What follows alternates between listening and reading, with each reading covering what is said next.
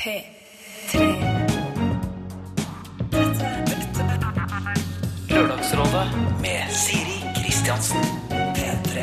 Du kan være forelska, du kan være nyforelska, du kan være avstandsforelska. Du kan være mer glad i, egentlig. Det er så mange nyanser i dette forelskelsesgreiene at man kan bli rent fargeblind og ikke ane hva man egentlig driver med. Jeg har vært forelska 100 000 ganger. Eh, Men noen ganger så har denne forelskelsesfølelsen dukket opp for folk som jeg ikke er forelsket i. Altså, For en stund siden så falt jeg eksempel pladask for en mannlig kollega her i eh, NRK. Ja da, ja da, begynn å spekulere. Og jeg ville være sammen med han, bare han, hele tiden. Jeg tenkte på han hele tiden, og jeg var sikker han tenkte det samme. og Det var, altså, det var en semi der som var helt unik. Men så var det noe som skurra.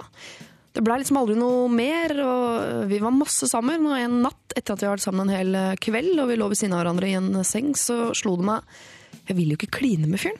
Hva er det for en slags merkelig og rar forelskelse? Og det virker ikke som han vil kline med meg heller, og han er jo ikke sjenert, så hva er det for noe?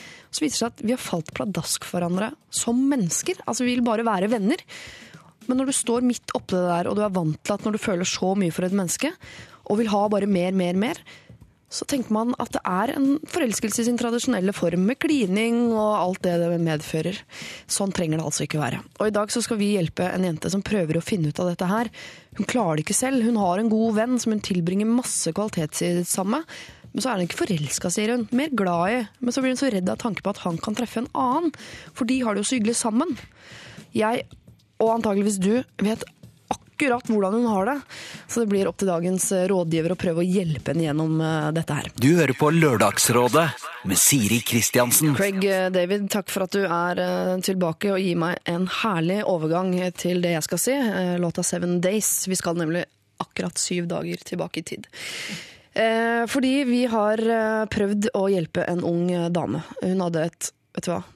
Nå ljuger jeg så mye. Det er ikke syv dager siden. Craig David, dra til helvete. Det er mye lenger. Hvorfor kan du ikke ha en sang som heter A Lot of Days, for eksempel? Det har vært mye bedre overgang for meg. For ganske lenge siden, da, la oss si det sånn, så hadde vi et eh, problem her i Lørdagsrådet. Det var en eh, dame som hadde forhold til en gift mann, han hadde barn og eh, i det hele tatt. Og her satt jeg da, sammen med Gunhild Dahlberg, Christian Borch og Håvard Lilleheie, og vi prøvde å gi råd i denne litt vanskelige situasjonen. Fordi eh, sånne typer forhold er man jo prinsipielt imot, og samtidig så heier man jo på kjærligheten og vil at ting skal ordne seg. Eh, Så det er vanskelig å gi råd. Eh, Men vi prøvde i hvert fall, og du skal få høre noen av rådene som ble gitt den gangen. Men det å innlede eh, forhold med folk som er gift og har unger, det er den, en av de sikreste veiene til ulykke. Eh, og det er jo nesten så jeg håper at han fyren ikke går for henne, men tar seg av familien sin. Han har jo egentlig allerede erklært sitt ekteskap for øh, ikke hva det var, i hvert fall ved at han har innledet et forhold med en annen kvinne. Så det er jo allerede i ferd med å rakne. Og når du snakker om å tviholde på det for, av barnas skyld, så er det jo en slags pragmatisk løsning, og det er noe helt annet enn hjertets røst, for å si det sånn. En annen ting er at kan du bare uten videre si at du ikke skal innlate deg på et forhold. Altså, mener, problemet er vel at det skjer ting i eh, altså Mennesker oppstår, og søt musikk oppstår i, oppstår i hjertet. Er ikke et sånt dikt som heter det? Det er kanskje det hun kan tenke litt på også. Hva er det han vil? Hva er, han, hva er hans eh, intensjon? Og så også, men selvfølgelig tenke mest på seg selv. For jeg lener meg litt på statistikken, jeg også. Men det hørtes ut som han, altså han sa jo hvis han skulle flytte ut, så ville han bo på samme sted. Og akkurat den replikken her, som hun sikkert har festa seg ved og tenker det er mulig jeg kan overtale han, det tror jeg han bare sier for å holde henne varm. Altså litt dødsdømt, egentlig. Lørdagsrådet så ikke så mye framtid i dette forholdet her, bortsett fra en bitte liten tommel opp fra den antageligvis klokeste av oss, i hvert fall basert på alder, Christian Borch, hvis du hører på. Kom tilbake til oss. Eh, vi har fått en eh, mail fra denne kvinnen, og hun skriver Hei igjen, Lørdagsrådet. Jeg har fått verdens beste førjulspresang. Jeg skrev til dere i høst for råd og innspill angående forholdet jeg hadde til en gift mann. Jeg endte med å avvente situasjonen for å se om vi hadde en framtid sammen, selv om dette gikk imot en god del av rådsmedlemmenes meninger. Jeg var av oppfatningen at jeg måtte gi det en sjanse, slik at jeg i fremtiden kunne unngå å tenke tilbake på det som kunne ha blitt. Samlivsbrudd er aldri lett, og det var faktisk viktig for meg å gi han rom og mulighet til å gjøre dette så rettferdig som mulig for alle parter involvert. Nå har han gått fra kona si. Det var et gjensidig brudd. De trengte begge en wake-up call for å innse at dette dysfunksjonelle ekteskapet de ble værende i pga. barna, ikke ga barna de sunne og trygge oppvekstrammene de ønsket. Nå er jeg og han et par, vi er på god tone med eksen og flytter sammen om ikke så lenge. Rett opp i veien med eh, barn annenhver uke. Jeg mener ikke å glorifisere forhold eh, på si, men jeg håper at min historie viser at man burde ta sjanser når det kommer til kjærlighet. Hilsen Anne. Gratulerer, eh, Anne. Du er i mål! Og selv om den eh, veien dit kanskje var litt sånn eh, kronglete og mange avstikkere og greiner i fjes og i det hele tatt, så syns jeg det er koselig da, at du fant kjærligheten til slutt.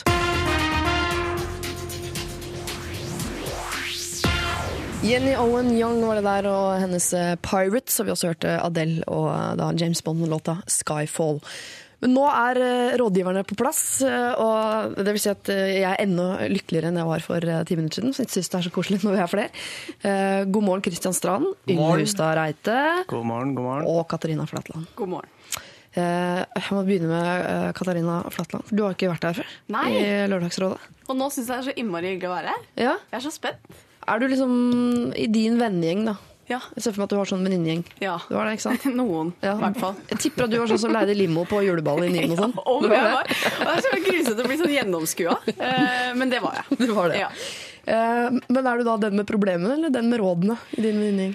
Eh, Vi har vel alle våre problemer, men jeg tror jeg er litt mer sånn den, den som gir råd. Veldig Ja. glad i det. Være litt sånn psykologrolle. Men er det da, eh, Henviser du til statistikk, eller tar du sånn når jeg vet det, er du fort over på deg sjøl og dine og, så, og så legge frem mine problemer. Nei, ikke sånn statistikk og sånn, men jeg syns det er veldig fint å gi råd eh, som er liksom personlig, Ja. og relatere det til seg selv. For da føler jeg at eh, ellers så har man jo kanskje ikke så mye å komme med hvis ikke du har hørt noe om det eller vært gjennom det selv. Så mm, jeg prøver å, prøver å relatere litt til meg selv òg. Hold fast på den tanken de neste to og en halv time. Eh, Yngve Husareite, du har jo for så vidt heller ikke vært med i Lørdagsrådet før, selv om du har mast noe inn i hampen mye. Men jeg føler som at du er en del allikevel, fordi du er så vant til å være i rommet her. Ja. Gleder du deg nå, da? ja, nå gleder jeg meg veldig. Ja. Um, uh, ja, ja, jeg gjør det. ja. Hva er det du uh, jeg vil med dette? Nei, jeg vil bare være på radioen, jeg. Ja. Som alltid. Ja. Det, det, er ikke, det er ikke noen annen grunn enn det. Nei, Du syns ikke det er nok å stå opp grytidlig fem dager i uka, du? Nei. Nei. Nei. Men er det, du er ikke sånn veldig Det ser ikke for meg at du er en fyr med mye problemer. Du er ganske sånn løsningsorientert eh, fyr. Uh, nei, jeg har ikke så mange problemer, men jeg liker å klage da, Ja. uh, til, uh, til nære venner og familie. Hvis det dukker opp en minste, minste ting, så vil jeg, vil jeg gjerne snakke om det. Er det det molde- moldenseren i deg som Vi er alle moldensere i min eh, omgangskrets, Ja, okay. så eh, nei, det er ikke et særtrekk der. Men eh, nei, dukker det opp noe, så vil jeg snakke om det. Det er ofte det som er litt irriterende med meg, kanskje. Ja. De vil snakke om det. Kan ikke bare la det ligge. Mm. Vi får se, Du har ikke irritert meg så langt i livet. Men Nei, så det blir bra. spennende å se i dag. Ja. Eh, Kristian Strand, Ja. alltid veldig hyggelig. Du er jo eh, vår husnisse. Lørdagsrådets egen lille det nå, altså. ja. Jeg har vært her ganske mange ganger nå. ja, men Nå har du begynt å dukke opp i andre shows også. Jeg har hørt at du var med på eh, Radioresepsjonens uh, julepostkasseshow. Julepostkasseshow. Jeg aner ikke hva det heter for noe. Ikke sant? Ja. Jo, jeg, eh, jeg og min far dukket opp uh, der to kvelder på rad. da. Ja. Eh, endelig fått uh, kommet inn i varmen hos Sagen og, og gutta. Ja. Og fikk lov til å ha syv-åtte sekunders of fame. Mm, ja. Det var stort, altså. Du skal ikke legge for mye i det, for i fjor var eh, Lene Elise Bergum der. Det har ikke akkurat skutt fart for hun sånn i etterkant. er Seriøst? Ja, men Men det må bety at du er selvironisk. Veldig selvironisk. Ja. Ja. Hva var det du gjorde for noe, egentlig? Nei, altså det startet De har på en måte tulla litt forskjellige ganger med meg og med pappa. Ja. Og så denne gangen da, så var det sånn at de hadde forskjellige spørsmål fra salen. Ja. Og plutselig midt i showet så stopper og fryser hele showet. Inn kommer musikken fra Spielbergs 'Haisommer', hvor da jeg og min far kommer luskende bak Sagen-gutta. da. Ja. Og så bare passerer. Og så går ut. Ja. Av en eller annen grunn så skjønner jo da hele publikum hva dette her er for noe. da. Ja. Og, veldig gøy, veldig, Veldig gøy. rart, veldig absurd. Akkurat sånn som Radioresepsjonen skal være. Hvor mye penger fikk du? Ikke mye. Nei, jeg fikk det overtid. Jeg fikk en øl. Du fikk en øl, ja. Det er ikke så gærent, det. Skal vi ta en kjapp runde bare på sivil uh, status, bare så vi vet hvilken plattform vi står på, for det er mye sånn kjærlighetsproblematikk i dag. Mm. Uh, Kristian? Nygift. Ja? og happy. Veldig, veldig happy. Bor i leilighet. Bor i Frogner. leilighet eh, Oslo, Frogner, Ja, Majorstua-området. vakker kone. Veldig. Alt er på stell. Det er det. Yngve? Eh, ny innkjøpt leilighet eh, med samboer, Ja. men som er i eksil i utlandet. Altså eh, å studere medisin på utveksling i Østerrike. Ja. Så jeg er liksom eh, litt sånn Jeg kan godt representere litt ungkar òg i dag. ja. Eh, Katarina? Du, jeg er samboer og forelsket. Jeg skjønner vi alle er veldig sånn etablert her. Det var litt sånn kjedelig. Ja, Derfor jeg setter meg litt på andre sida. Ja, Ja. Men rekkehustype, eller snakker vi leilighet? Leilighet med ja. Ja. Så det er ikke mer spennende enn det. Er du nabo med Christian? Vi er et lite kollektiv bortpå her. Ja. Vi har jo det. Det er ikke så langt fra hverandre. Nei, det er ikke det. Da er vi i hvert fall, vet vi, jeg, altså, jeg har jo rekkehus og, og stasjonsvogn og mann og to barn, og katta er dau for øvrig. Nei. eh, Vi er jo egentlig en sånn familie som har katt. Vi har drept den, så ikke noe sånn, ikke noe trist på min, på mine vegne. Ja. nå må jeg få lov til å si en litt intern ting. At du Ja. gleder deg litt til den katten skulle dø. Jeg har mast veldig på det, ja. Ja. ja. Så du Ser den ikke veldig syk ut, har jeg sagt. Du ordna ikke du det på en eller annen måte? Jeg fikk en lege til å skrive et papir på at sønnen vår er allergisk mot katt. Ja. ja. Det kosta dyrt. Ja. Neida, så den er død. Det var deilig. Skøyt du den sjøl?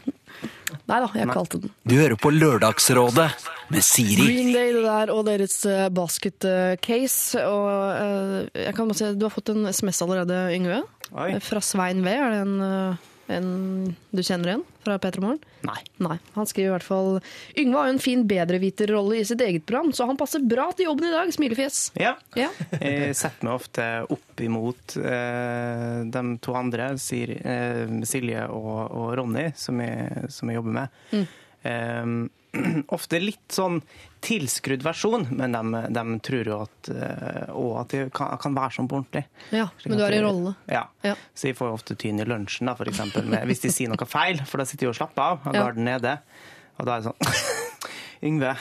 Eh, så da får jeg høre det. Da får etterpå. du Mm. ja, rett tilbake. Det blir spennende å se hvilken rolle du går inn i i dag her i Lørdagsrådet. Katarina Flatland er også rådgiver, og det er Kristian Strand eh, også. Yes. Dette er første problem i dag, altså.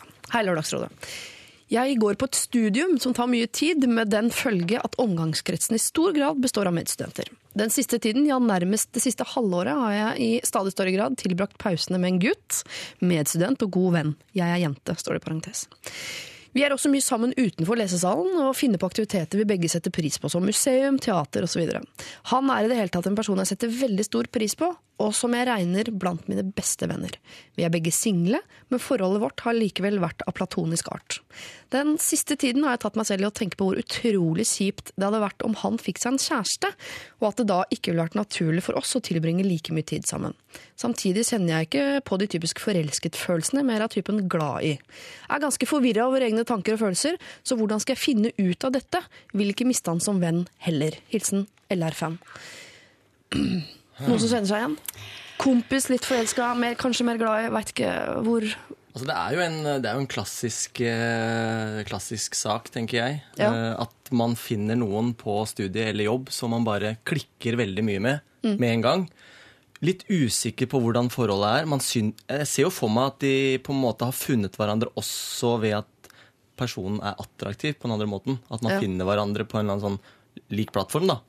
Men så må man jo på en måte finne ut av er dette en person som jeg kunne tenke meg å bli sammen med. Og som hun sier, hun er litt forvirra. Ja. De har de samme interessene, går på museum, leser eh, etc. Et det virker jo litt perfekt for for Ja, det er ikke kjempemange som elsker Nei, å gå på er teater og museum Nei, det er jo ikke så mange som bare det åh, klikker, nå skal vi på museum på lørdagen. Eh, Så de har veldig mye til felles. Ja. Og så sier hun også at jeg er veldig redd hvis personen finner seg en kjæreste. Ja. Og da tenker jeg, hvorfor kan man ikke da være venner etterpå hvis man finner seg en kjæreste og man bare er veldig gode venner? Så det kan nok hende at det ligger noe mer under her, altså. Ja. Ja. Men man skal liksom unne seg å være skikkelig forelska når man først får seg type. da. Ikke bare sånn gli over fra, sånn, fra museum og over i sofakroken. Liksom. Ja, men så tenker jeg at det er jo veldig godt grunnlag for et godt forhold, da. Og man vet jo ikke, kanskje dette er en begynnende forelskelse.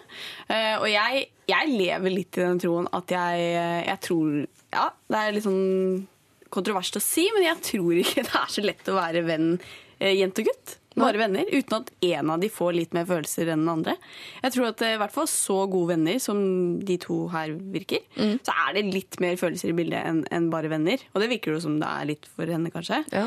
Um, så jeg har kanskje litt sånn tro på at dette er en begynnende forelskelse på et sånn Høres ut som et veldig Kunne vært et godt forhold. Ja. Må man ikke legge liksom, vennskap i potten hvis man satser på stor kjærlighet?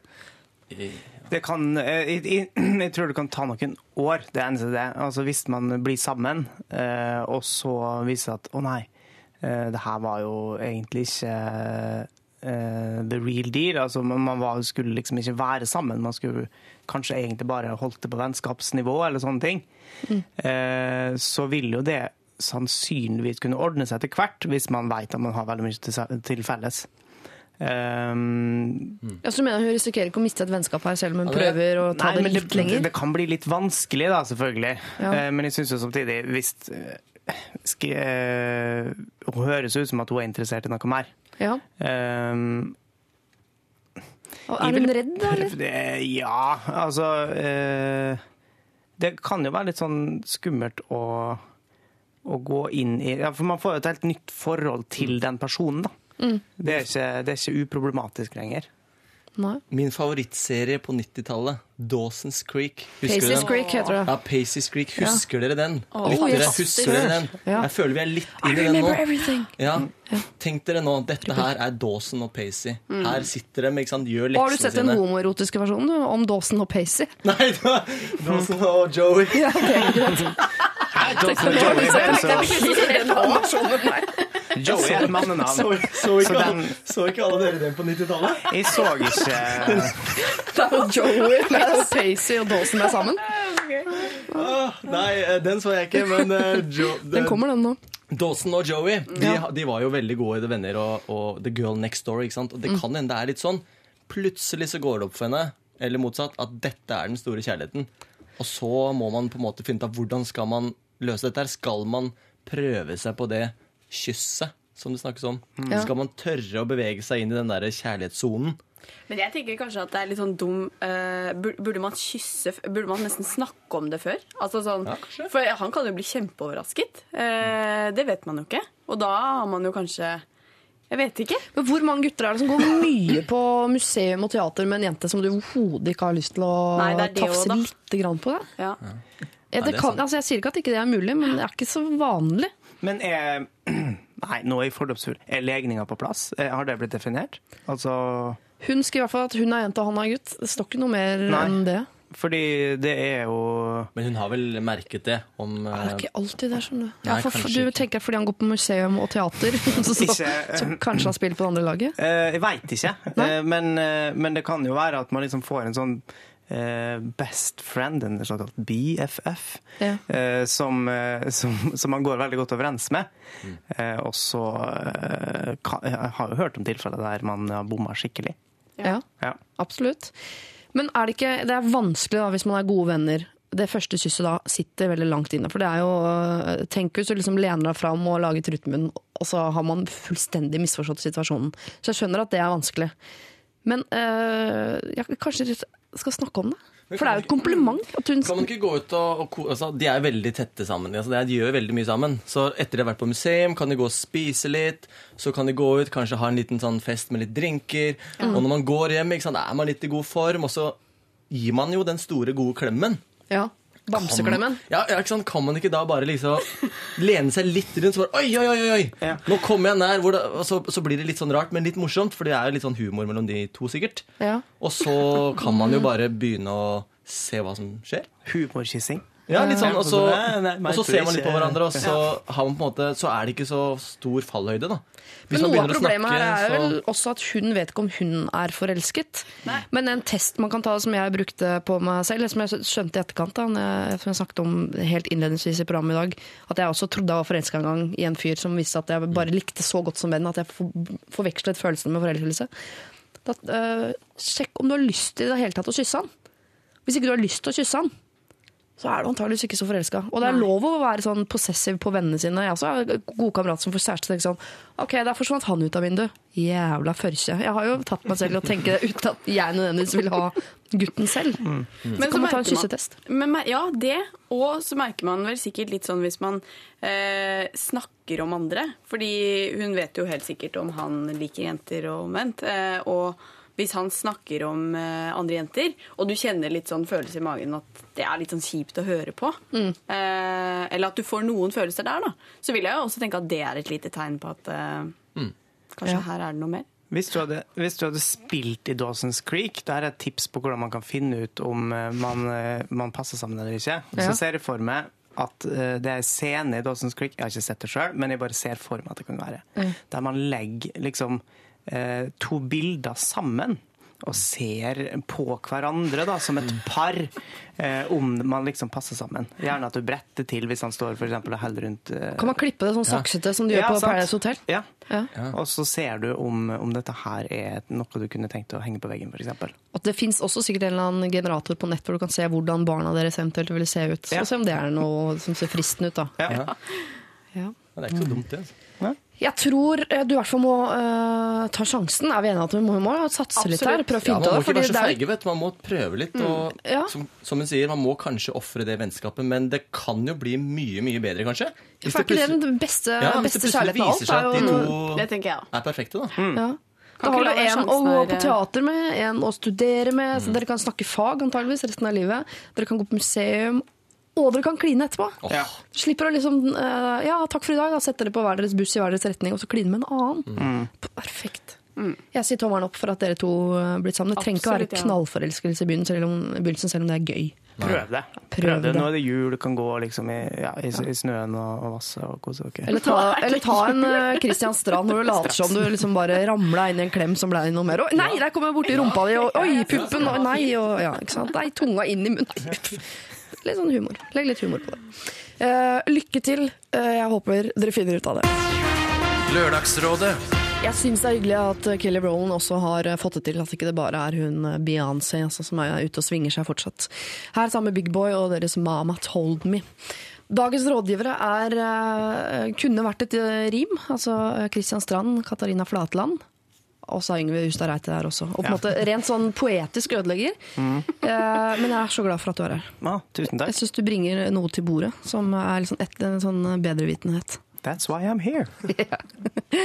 Eh, har fått inn eh, en eh, liten SMS i forbindelse med det vi nettopp snakket med, nemlig å ha en venn som man er usikker på om man er forelsket i, og man vil ikke at han skal få seg kjæreste osv. Nei, jeg veit åssen hun har det, og her på bygda kaller vi det for eiersjuke. At man er altså eiersjuk. Og det er veldig vanlig at man er sånn eiersjuk. Man vet jo til og med, Du har sikkert vært borti det, Katarina, rent på venner. Hvis en god venninne av deg får seg en annen veldig god Ja, venninne. ja. Og da også oh, ja, blir man ja. helt sånn hei, hei, hei, hei. Ja, vi hadde veldig sånn da jeg var yngre at det var om å gjøre å være aller, aller, aller beste venn. Ja. Istedenfor bare aller, aller beste venn. Så det er jo en kamp. En evig kamp om å være den beste. Nå har du opplevd at du har en venninne som du introduserer for en annen venninne, og så blir de venninner? Uten å trenge deg som et Ja, mellomledd? det har jeg vel kanskje. Og det er ikke noe hyggelig når Nei. de begynner å finne tonen. Jeg merker at jeg er ganske barnslig på sånne ting. altså. Ja, men man blir jo ikke noe eldre Nei. i hodet. Det er bare kroppen som blir eldre. Åssen er det for gutter? Ja, det er viktig, altså Jeg merket det litt, grann, for jeg har vært i en del bryllup i det siste. Ja, det har jeg sett på Facebook. Ja, det er det voldsomt. Facebook? ja veldig, ja, sånn bryllupssommer. Men da har jeg merket at de gutta som skal gifte seg, inkludert meg, da, at man da tenker veldig over hvem er det som er forloveren. ikke sant? For man har jo ofte en stor vennegjeng. Eh, og så må man velge. Eh, For meg så var det veldig naturlig, fordi den vennen jeg valgte, har, er den beste vennen min i dag også. Ja. Men for mange så er det jo kanskje en som man har vært venn med tidligere, som man har hatt veldig mye kontakt med. Som da kanskje er mer naturlig enn kanskje en nyere venn. Eh, og det merket jeg også med de jentene vi var i bryllup hos. Altså, der var det kanskje enda mer at man måtte velge kanskje flere, eller at man hadde, var litt mer usikker på om er vi gode venner nok nå. Eh, Hvorfor tenker man akkurat når man kommer til forlover, og sånn, eh, så skal man tenke så innmari bakover i tid istedenfor å tenke framover i tid? det- Når bryllup jo på en måte er starten på noe. Så Ikke man sant? sånn, Og det tenker jeg også. Jeg tenkte jo da at det er viktig at den personen som skal stå deg ganske nær, også skal være med deg i fremtiden. da. ja, At ikke det er liksom- hoster opp noe sånn gammelt ja, fra barneskolen. barneskolen. Den Liksom. fra barneskolen, ja, ikke sant? Det, Så det, der merket jeg veldig. Men sånn til vanlig så, så er det jo viktig at man har en god venn. Og jeg føler også at det er ikke kamp om å være bestevenner, men man må Hvordan skal jeg si det? Eh, bruke litt tid da, på å være en god venn. Er, man kan ikke bare kreve at ja, vi er da bestevenner, da, uten at man liksom legger noe i forholdet som venn. Eh, selv om man har vært veldig gode venner fra før. Ja, man må fortsette å jobbe med forholdet jobbe med det, og det kommer jo veldig mange nye venner som man også bruker mye tid med. da. Man må sørge for å være bindeleddet. eh, Det har jeg merka. At man skal sørge for liksom å, å sende ut en SMS. Og hei, hei, hva gjør du på nå? Eh, Skal vi finne på noe? Jo, på lørdag så skal vi gjøre sånn og sånn. Eller at man liksom sørger for at man har liksom folk med seg, da. Ja. Eh, Jeg har jo noen venner nå som, som har introdusert til hverandre. Vi har liksom to gjenger som er forent bare ved at vi flytta til Oslo. Og det er jo noen der som finner hverandre.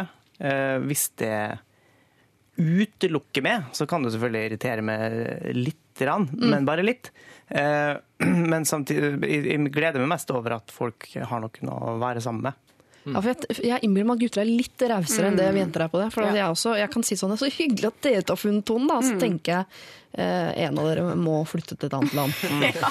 jeg skal innrømme at jeg er så smålig. Vi skal komme tilbake til problemet, for senere i dag så skal vi hjelpe en jente som er midt oppi dette her. Det er to venninner, eller hun har blitt veldig god venninne med venninnen til en venninne, og nå driver de faktisk og sniker seg litt bak ryggen hennes. Oi, oi, oi. Eh, Men før det så skal vi holde oss litt i den der museum- og teaterverden. Vi skal nemlig hjelpe en eh, bibliotekar som har fått en eh, jeg vil kalle det en slags form for stalker. Altså, det er en kunde eh, som ønsker noe mer av henne enn eh, bøker, da, som jo i utgangspunktet er det hun har å levere sånn over disk.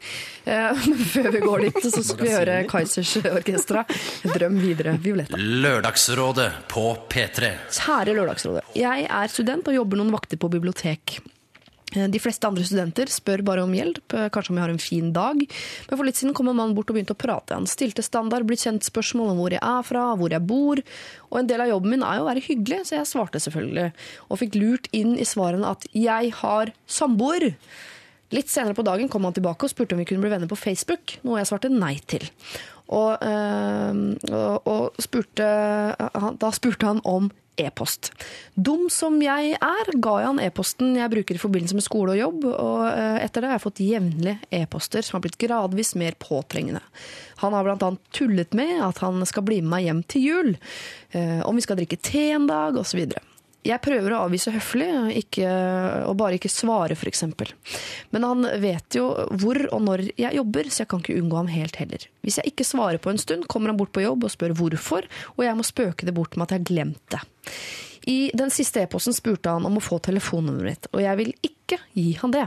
Egentlig vil jeg ikke ha den oppmerksomheten i det hele tatt. Jeg syns det er merkelig ubehagelig at han er interessert i meg når han ikke kjenner meg. Han fortalte at han har bodd i Norge bare en kort stund, og jeg tror han kanskje bare vil ha en venn, men jeg klarer ikke å stole på totalt fremmede, og vil gjerne at han skal slutte å snakke med meg. Hva skal jeg gjøre? Skal jeg slutte å være mistenksom, eh, eller, hvordan, eller skal jeg avvise han? Og hvordan avviser man noen som man egentlig ikke har noen grunn til å avvise? Hilsen av bibliotekaren.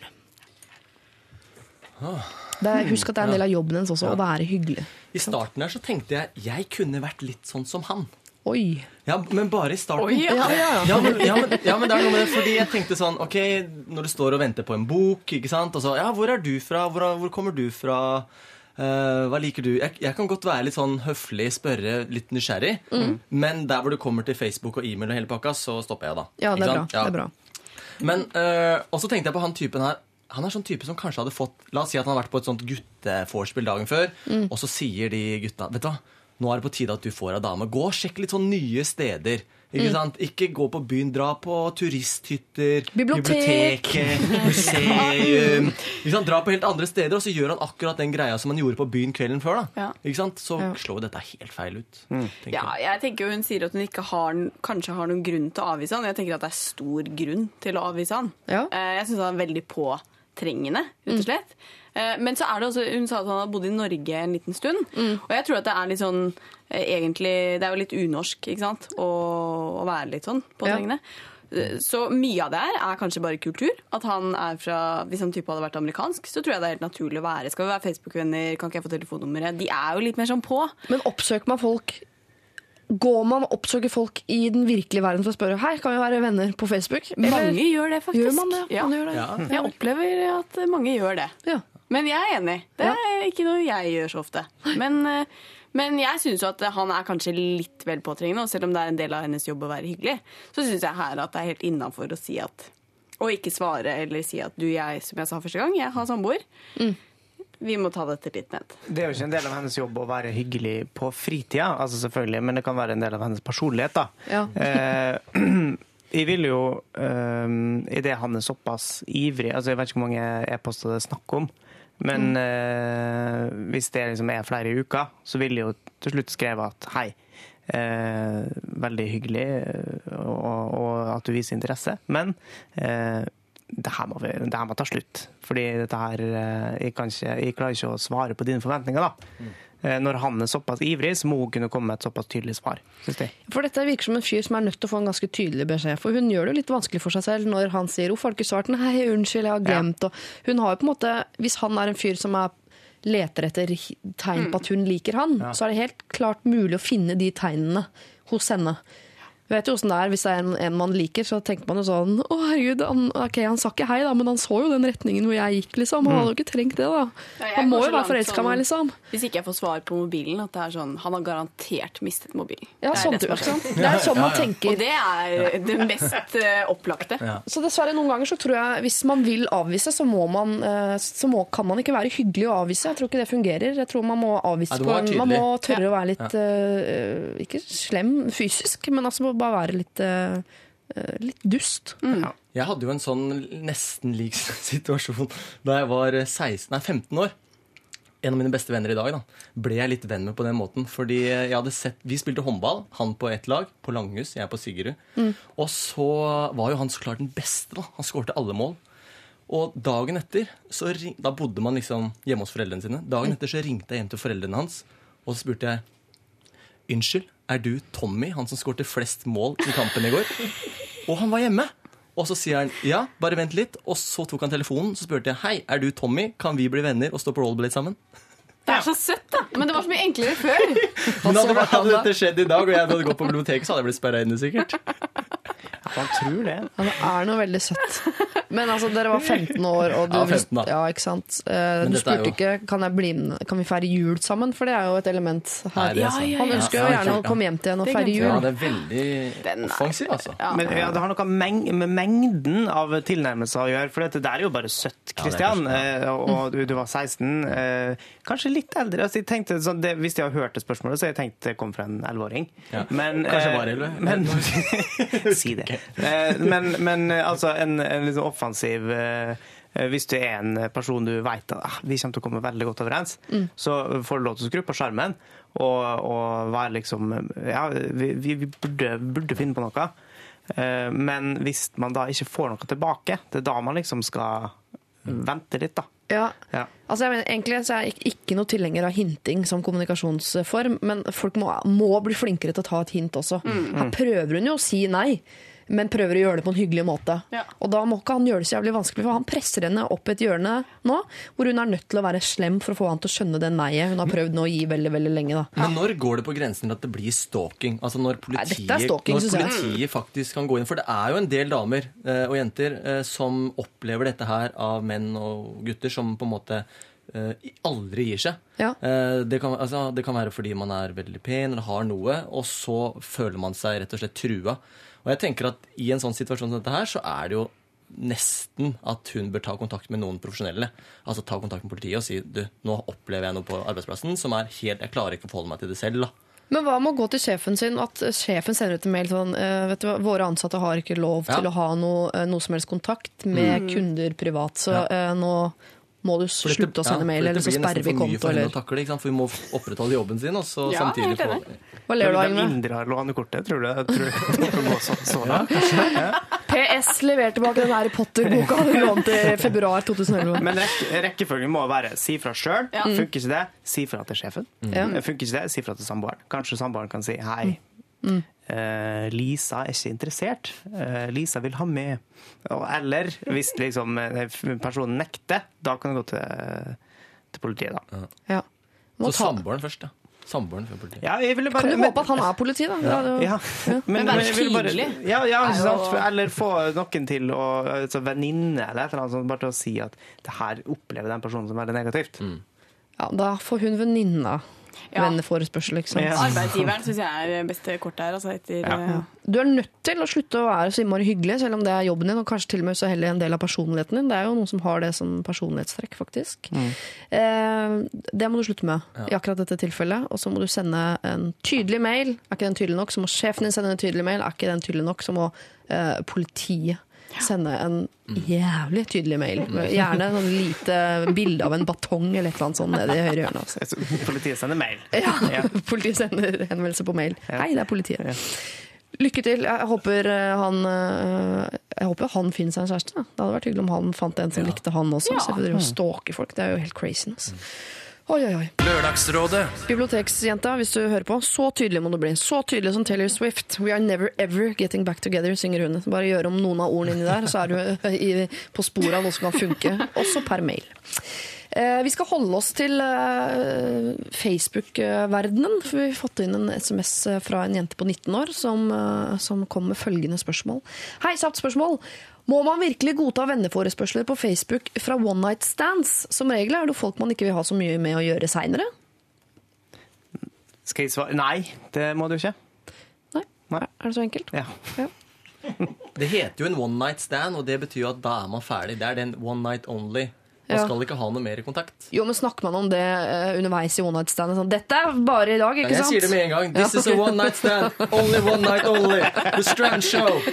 Men hvis det er fare Ferdig. for å møtes igjen, så tenker jeg at det er jo litt vanskelig å ikke Hvis man er i samme vennegjeng, da, Ja. eller i omgangskrets, da føler jeg at man eh, At man må det. Må man ikke mener nesten det, da? Jo, men Skal man ikke snakke seg inn til en Facebook-relasjon, og ikke ligge seg inn Nei, til en syns jeg Facebook? ikke. Nei, ok. Ja, men hva gjør hvis du har ligget med en fyr i helga, og så på mandagen så ligger det sånn friend request fra uh, Jonny? Ja, det ville vært direkte pinlig hvis de hadde ligget med en fyr i helga. Eh, eh, både, ja. Eh, På mange og så. I tillegg jeg skal hete Jonny, Ja. så ville jeg aldri godtatt det, den venneforespørselen. Nei. Nei.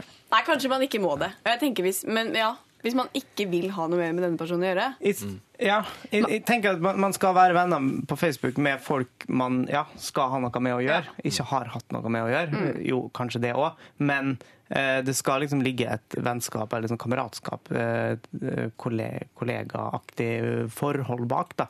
Er det ikke masse som har som regel, eh, har som en regel sånn hvis vi skal være venner på Facebook, så må vi i hvert fall være på hils i virkeligheten? Jo. Jo, og det syns jeg, altså. Men vil du ikke hilse på en fyr du har hatt one night stand med?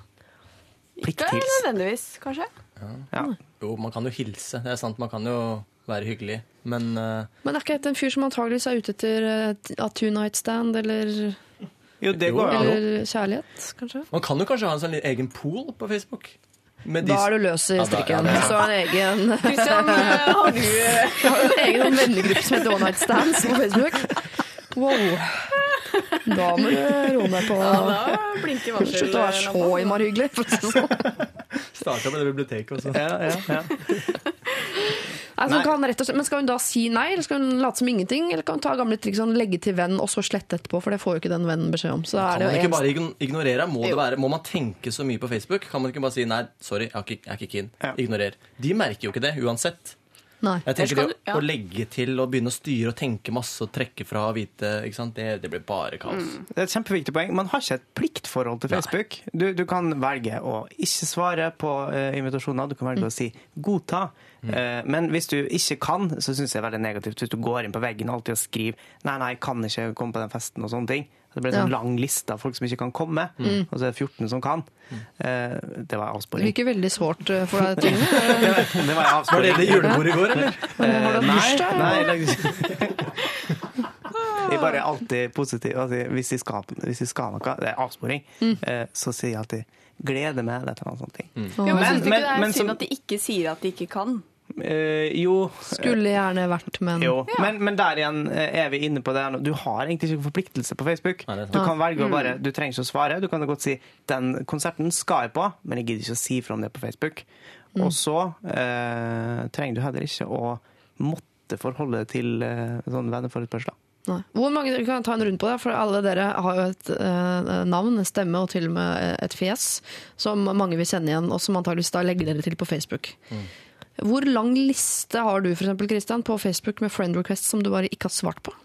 Nå har jeg fått sånn, sånn eh, brev fra Facebook, på, på Facebook, for jeg har 5570 venner. Og så, Og så sitter du her og sier at man skal være selektiv, og så er det jo Nei, jeg har eh, ikke sagt at man skal være selektiv. Svarer du Katarina sa det. Å ja. ja, du er åpen. Han har jo sitt eget pool. Ja, ja. Så du sier ja til eh, Nei, hvem altså, som helst? du? nei, ikke til hvem nei. Ikke- nei, nei, ikke den som 5000 nærmeste, helst. liksom. Eh, Jeg begynte først å ha en veldig sånn selektiv eh, base. Ja. Eh, Og jeg har kanskje, la oss si at jeg er 100 nære venner. da. Ja. Og så eh, ble det mer sånn Nå skal vi bruke det litt mer offentlig også.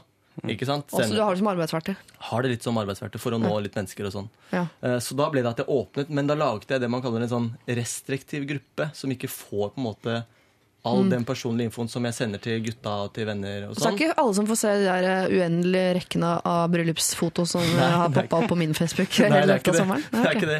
I'm special. Men du er i den rest... Ja, Ja, ikke sant? du i Så, så du en gruppa, heldig. det Men veldig eh, nei, jeg tror jeg har 700 som er på sånn vent. Ja. Det var siste jeg sjekka. 700 på vent. Nå er jeg litt mer på Instagram. da. Men har man den lista lenger? Jo, det ligger jo friend requests Ja, som, men, som du men kan står det antall? Ja, ja, ja. For jeg husker du gjorde det før, og grunnen til altså Først uh, idet jeg begynte å prate på radioen, så kom det inn et par, og så syntes jeg liksom eh, eh, ja, holdt liksom den litt ved like, men så så jeg plutselig bort på PC-en til Live Nelvik, Ja. som jeg jobba sammen med. Hun fikk jo 100 om dagen. Ja. Og da tenkte jeg at det her skal jeg eh, sørge for å eh, i hvert fall holde meg oppdatert på. Eh, og så var det interessant en liten stund, det var mens det sto et sånt tall og blinka. Eh, men nå har jeg mista fullstendig oversikten og sjekker veldig sjelden det greia der. ja. Katarina? Du, jeg, jeg har ikke Det er jo teit å si, jeg har ikke så mange venner på Facebook. Men da, i forhold til 5000, da, Ja. så er jeg rundt 1000. Og jeg er ganske eh, sånn selektiv. Men hvor mange ligger på vent? Ja, det er vel Hvor mange har du oversett? 150 nå. Ja. Men jeg er litt sånn Sletter du underveis? ja, ja, prøver det. Ja, ja. Du trenger altså ikke jente 19. Eh, Gratulerer med one night stands. eh, Men du trenger ikke svare på en venneforspørsel på Facebook. Herregud, dere er jo ikke venner. Med mindre da, du har en sånn eh, one night stand pool inne på Facebook, som det Kristian Strand har. I så fall gratulerer med det. Eh, P3 er kodeord og nummeret er 1987 hvis du har en SMS du gjerne vil sende inn til oss. Lindstrøm og eh, låta som heter Vossakorv. Et eh, fantastisk pålegg, spør du meg. Um, jeg har kommet en SMS her hvor det står Jeg kjøpte en leilighet for noen år siden. Selgeren adda meg på Facebook. why oh why? Da har det gått for langt. Ja, det jeg da har det Det gått jeg for langt. Jeg håper ikke du takket eh, ja til den uh, venneforespørselen. Um, og så en som også skriver Hei, er dere live, eller? Bygg opp for at dere er så jævlig duggfriske lørdag morgen. Takk for å få meg til å smile på den kjedeligste jobben i Nato. Å? Når ble Nato kjedelig? Det Ja, lurer jeg på. og er sant? Kjedelig. Ja. Det kan jo ikke være Det dere kan kan bli bomba når som helst. Det Altså, ja, er ikke det veldig spennende, da? Jobb i NATO. Er det i Norge, eller sitter han i utlandet? Nei, det vet jeg ikke. Det høres bare kjempespennende ut, spør du Ja, meg. Ja, ja. Jeg har masse spørsmål. Du kan komme opp hit. Jeg har en del ting jeg lurer på. Eh, Når vi først vi har snakket en del om Facebook eh, nå, skulle tro det var liksom et helt nytt fenomen som vi, vi gjør det så relevant i dag. Men eh, vi har altså under den der Lindstrøm-låta som du kanskje har sittet og hørt på, så tok vi et bilde vi, som vi nå har lagt ut på Facebook. Hvor du får se da hvordan Katarina Flatland ser ut en lørdag morgen. Oi, oi, Yngve Hustad Reite. Hvordan ser han ut på en lørdag? Og ikke minst Kristiansand, hvordan ser han egentlig ut på en lørdag? Hvordan ser vi egentlig ut, da? Det ser vakre ut, altså. ja, Det ser ut som jeg har veldig lite hode bak der. Bitte, bitte lite hode. Du har ikke lite hode. Nei, du har ikke nei. Mamma har kjempelite hode. Har jeg arvet det? Det er rart, fordi eh, lokføreren, eh, altså far til mine barn, mm. han har ganske stort hode. Så da kanskje barna våre blir normale. Da. Vi får jo krysse fingra for det, i hvert fall. Eh, Hvert øyeblikk så skal vi stille spørsmål til eh, disse vakre rådgiverne våre. Yngve, du har fått inn et allerede på, via mail fra en gammel sending. Oi. Eh, Har du flere spørsmål til Yngve eller til Katarina eller til Kristian, så send det veldig gjerne inn. Altså, kodeordet er P3, og nummeret det er eh, 1987. Lørdagsrådet. Kesha har en ganske fengende låt hun, som heter Die Young, selv om jeg syns det er noe spekulativt å lage noe så fengende til eh, noe som heter noe som er så dystert. Kunne heller hatt en sang, mener jeg, som het 'Nå skal vi feste som om eh, det var jul'. Eller altså noe som er litt mer sånn hyggelig, da. Jeg tror Prince lagde en litt sånn for noen år siden. Ja, han er flink. Party like it's 1999. Ja. Ikke sant? Det syns jeg er en finere ting å feste som om. Ikke sant? Og så videre. Eh, vi har eh, bedt dere sende inn eh, spørsmål til dagens rådgivere. Og Yngve, du fikk en før du det hele tatt begynte å snakke i dag morges, fra, på mail fra en jente som heter Amanda. Ja. Mm. Kjenner du Amanda litt? Eh, ja, det gjør jeg fordi hun var eh, vinner av eh, P3 Aksjonens eh, filmkveld med P3 Morgen. Mm. Så dere har sett på film Vi har sett på skre skrekkfilm sammen, jeg og Ronny og Silje, og så Amanda og en som heter Bjørn. Ja. Hun skriver uh, nemlig Hun har eh, to spørsmål, og jeg tar bare det ene. La meg legge til et spørsmål jeg vet Yngve vil like. Hva liker du spesielt godt med svarttrosten? Hvorfor er det din favorittfugl? Eh, artig spørsmål, Amanda. Og nokså mer artig var det at det faktisk satt seg en svarttrost utafor vinduet vårt nå, men den stupte ned i bakgården. Eh, Jeg trodde det var et blad som falt fra trærne, som jo det ikke er noe av her. Så det, det, var, var en, det var en svarttrost. Du, eh, i, grunnen til at hun spør om dette her, var fordi at i, ved et tilfelle eller ved flere tilfeller har snakka om svarttrosten i P3 Morgen. Mm. Eh, grunnen til at jeg liker svarttrosten spesielt bra, er rett og slett pga. Lillebjørn Nilsen sin sang Hei, lille svarttrost, som jeg hørte mye på eh, i vårpartiet av eh, 2012. Ja. Um, så det var, det var egentlig derfor begynte jeg bare å snakke om den eh, sangen, og så svarttrosten. Eh, det er ikke min favorittfugl, men eh, ja, veldig Kan fin sang. anbefale Blackbirds av Beatles også, hvis du først er på den bagen. Det går på litt samme greia, det er jo samme fuglene snakk om. Og gitarspillet i både Beatles-sangen 'Blackbird' og 'Hei Svarttrost mm. etterligner liksom svarttrostens tone når den synger på natta. natta. Siri. Du så at jeg skulle til å puste nå. Jeg så det var på nippet til å begynne å det er puste. sånn eh, pip, pip, pip, pip, pip, pip, pip. Det er den, Når du står opp, hvis du går hjem seint fra nachspiel, eller står opp veldig tidlig Ja. i mars-april, så hører du svarttrosten står eh, på en eller annen topp. Er det den her? Der har du den. Herregud. Ja. Sånn er det å ha tekniker på jobb. Takk, Jonas. Du har et litt unikum. Kjempebra, Jonas. Er når Kjempebra. uh, Kan vi bare ha det liggende på resten av sendinga? Det det er det er min favorittfuglesang og favorittfuglelyd, Ja. men min definitive fuglefavoritt, det er kjøttmeisen. Det er selvfølgelig kjøttmeis, ja. Ja. ja. Fordi Eh, fordi, artig spørsmål igjen, eh, vi, kan snakke om fugler, jeg vet. Jeg Eh, jeg Hva er det det heter, sånn som du er nå? Ikke nerd, men det andre. Ornitolog. Ja, Ja. Er du det? Nei. Nei. Eh, eh, Artig spørsmål. Vær så god. Jeg fikk, Da jeg var eh, bitte liten, så fikk vi, uh, i og mine to brødre, hver vår porselenskopp som min farmor hadde malt fuglemotiv på, og da Ja. fikk jeg kjøttmeis. Og da, derav kjøttmeis. Derav kjøttmeis. Apropos ting man har eh, eid eller fått, så er det en som eh, lurer på her, Kristian Strand. Dette er nytt for meg, men Ja. som spør er det sant at du har hatt en gul Porsche. Hvilke penger kjøpte du i så fall den for? Er det Tono-penger fra Maybe Baby? Det er Tono-penger fra Maybe Baby. Alle Tono-pengene gikk til å kjøpe en Porsche, en gul Porsche. Nei, altså, jeg tror kanskje ikke at hun vet så mye om bil, men jeg hadde en gul Yaris. Toyota Yaris.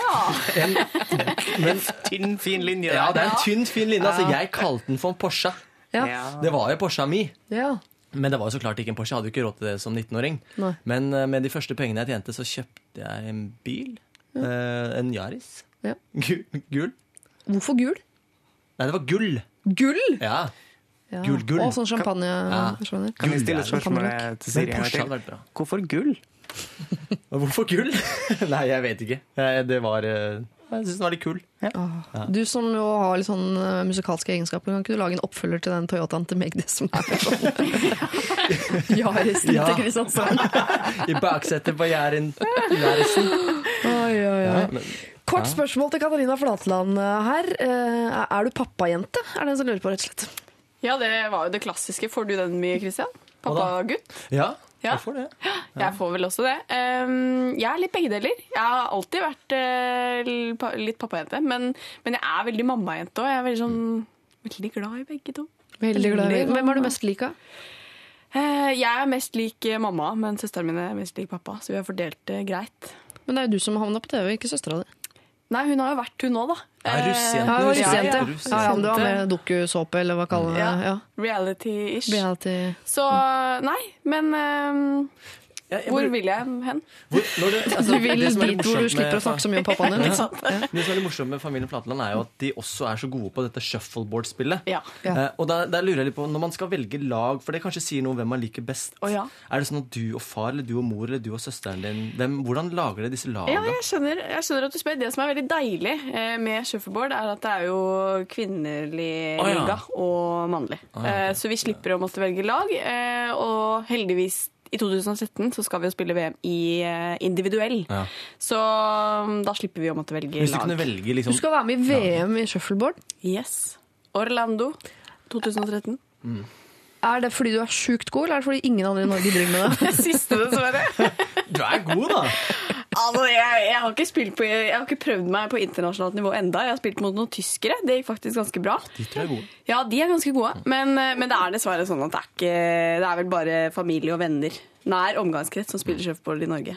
Ja. Du ser veldig forfjetret ut. Nei, ja, men det, det jeg lurer på, for det, det, alt, altså, Jeg skjønner med noen idretter at det er mann- og kvinneliga, men hvorfor det er i shuffleboard? Det kan jo ikke ha noe å si om man er mann eller kvinne når man skal spille der. Nei, det er nok egentlig veldig sant. Nei, det er det ikke. Det må jo være et handikap for menn. Altså, pung kan jo være i veien når man skal ned i shuffleboarding position. Nei, det er egentlig et veldig godt poeng. Eh, Det hadde ikke vært nødvendig, men nå er det jo engang sånn.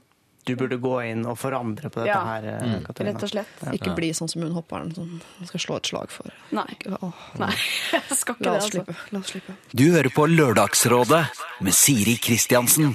The Killers, Miss Atomic eh, Bomb. I Lørdagsrådet i dag så sitter det en gjeng som jeg egentlig har tenkt å introdusere som at i dag er vi et veldig ungt rådgiver, en ung rådgivergjeng. Men vi er tydeligvis ikke gamle nok. Vi har, vi har driti oss ut litt. Vi er ikke altså på nett med sjargongen ute i samfunnet for tida. For Vi fikk jo en liten SMS i stad fra en eh, som mente han hadde så utrolig kjedelig jobb i Nato. Og vi var helt i stuss hele gjengen. Er ikke det spennende, da? Vi har fått inn altså, eh, en drøss med SMS i etterkant som påpeker hvor ignorante og stupide vi er. nei. Eh, Når han sier Nato, snakker han om Nato-landet. Ikke en jobb i selve organisasjonen. Det er i mitt miljø et velkjent overdrivelsesuttrykk. Nato, ha-ha, kjenner dere ikke uttrykket Nato? er det en som skriver. Det betyr ca. det samme som kjedeligste jobben i verden, Europa. Men så sier man Nato da, ikke sant? Og flere av typen SMS på dette feltet, om folk som prøver da å, å fortelle oss at Nato er et du, uttrykk uttrykk som folk der ute bruker. Nei, nå, nå ble jeg voksen. I dag. Nå ble jeg voksen. Jeg, Ja, jeg skjønner fortsatt ikke. Og... Altså kjedelig, det er som å si, jeg har den kjedeligste verden Jeg har den kjedeligste jobben i Nato. Altså Ja, den kjedeligste sånn, jobben ja, som fins i alle ja, ja, ja. Nato-landene. Ja. ikke? Ikke bare den kjedeligste jobben i Norge. eh, Nå merker jeg ble litt sånn søren at jeg ikke visste hva det var. Jeg også føler meg litt grann dum. Ja. Eh, Men da bare påpeker jeg at jeg er, bor i Follo, i en enebolig der ute i skogen med en mann og to barn. og Det er ikke så lett. Lite jeg skal bruke det uttrykket i dag, da. Lite jeg skal bruke det uttrykket da. Og så er det en som skriver her også. eh, Katarina er faktisk kjempegod i shuffleboard. Hilsen pappa på vei til svømme for å holde kurs i nettopp dette. Så han hører på. Er det mulig? God morgen, pappa. Så klein! God morgen.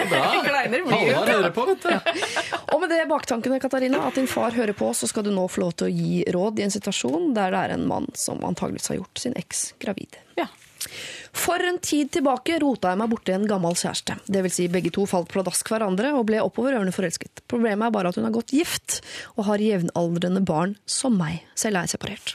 Det gikk så langt at hun kastet ut mannen sin, men angret et par dager etterpå. Vi har vært enige sikkert fem ganger om at vi må avslutte det hele, men det går ofte ikke mer enn et par timer før vi er tilbake på Messenger, Skype, Voxer osv. Vokser. Ikke sant? Ja. Ja. Naken Jeg er vokser, vet ikke. Dere skjønner, det har vært en turbulent affære som kulminerte i en heit natt sammen. Etter dette kuttet vi all kontakt, og det har for så vidt gått bra, selv om jeg tenker mye på henne. Problemet, bortsett fra følelser nå, er at hun har blitt gravid, og sjansen er absolutt til stede for at det er jeg som er faren. Jeg vil være ansvarsfull og hjelpe på alle måter, enten hun velger det ene eller det andre. Eh, Hun sier hun må ordne dette selv. Skal jeg holde meg langt vekk, eller være mer frampå og støtte henne i noe som sikkert er en veldig vanskelig greie? Jeg vil jo være med ho, står det også her i parentes. Men altså, hovedproblemet er han har hatt en affære med en eks som har mann og barn, og nå er hun gravid. Hvem er far? Hva gjør han? Skal han involvere seg? Skal hun få holde på sjøl? Oi, oi, oi. Ja, jeg tenker jo hun har eh, Hun peker på noe der som, som Eller han peker på noe der som sier 'ordne dette litt sjæl'. Jeg tenker sånn umiddelbart at dette er nok en ganske vanskelig problemstilling for henne. da. Ja. Så jeg ser for meg at hun må få litt rom her til å tenke hva i all verden, hva i all Nato skal jeg gjøre med, med, med dette Jeg er her? ikke helt inne med uttrykket ennå, Nei, okay, nei, neste ja. Men hva, i- hva i all verden skal jeg gjøre med dette her? Fordi hun er jo på en måte satt i en litt annen situasjon enn det han er. da. Ja. Hun må på en måte ta ansvar for barnet og, og familien og hele pakka.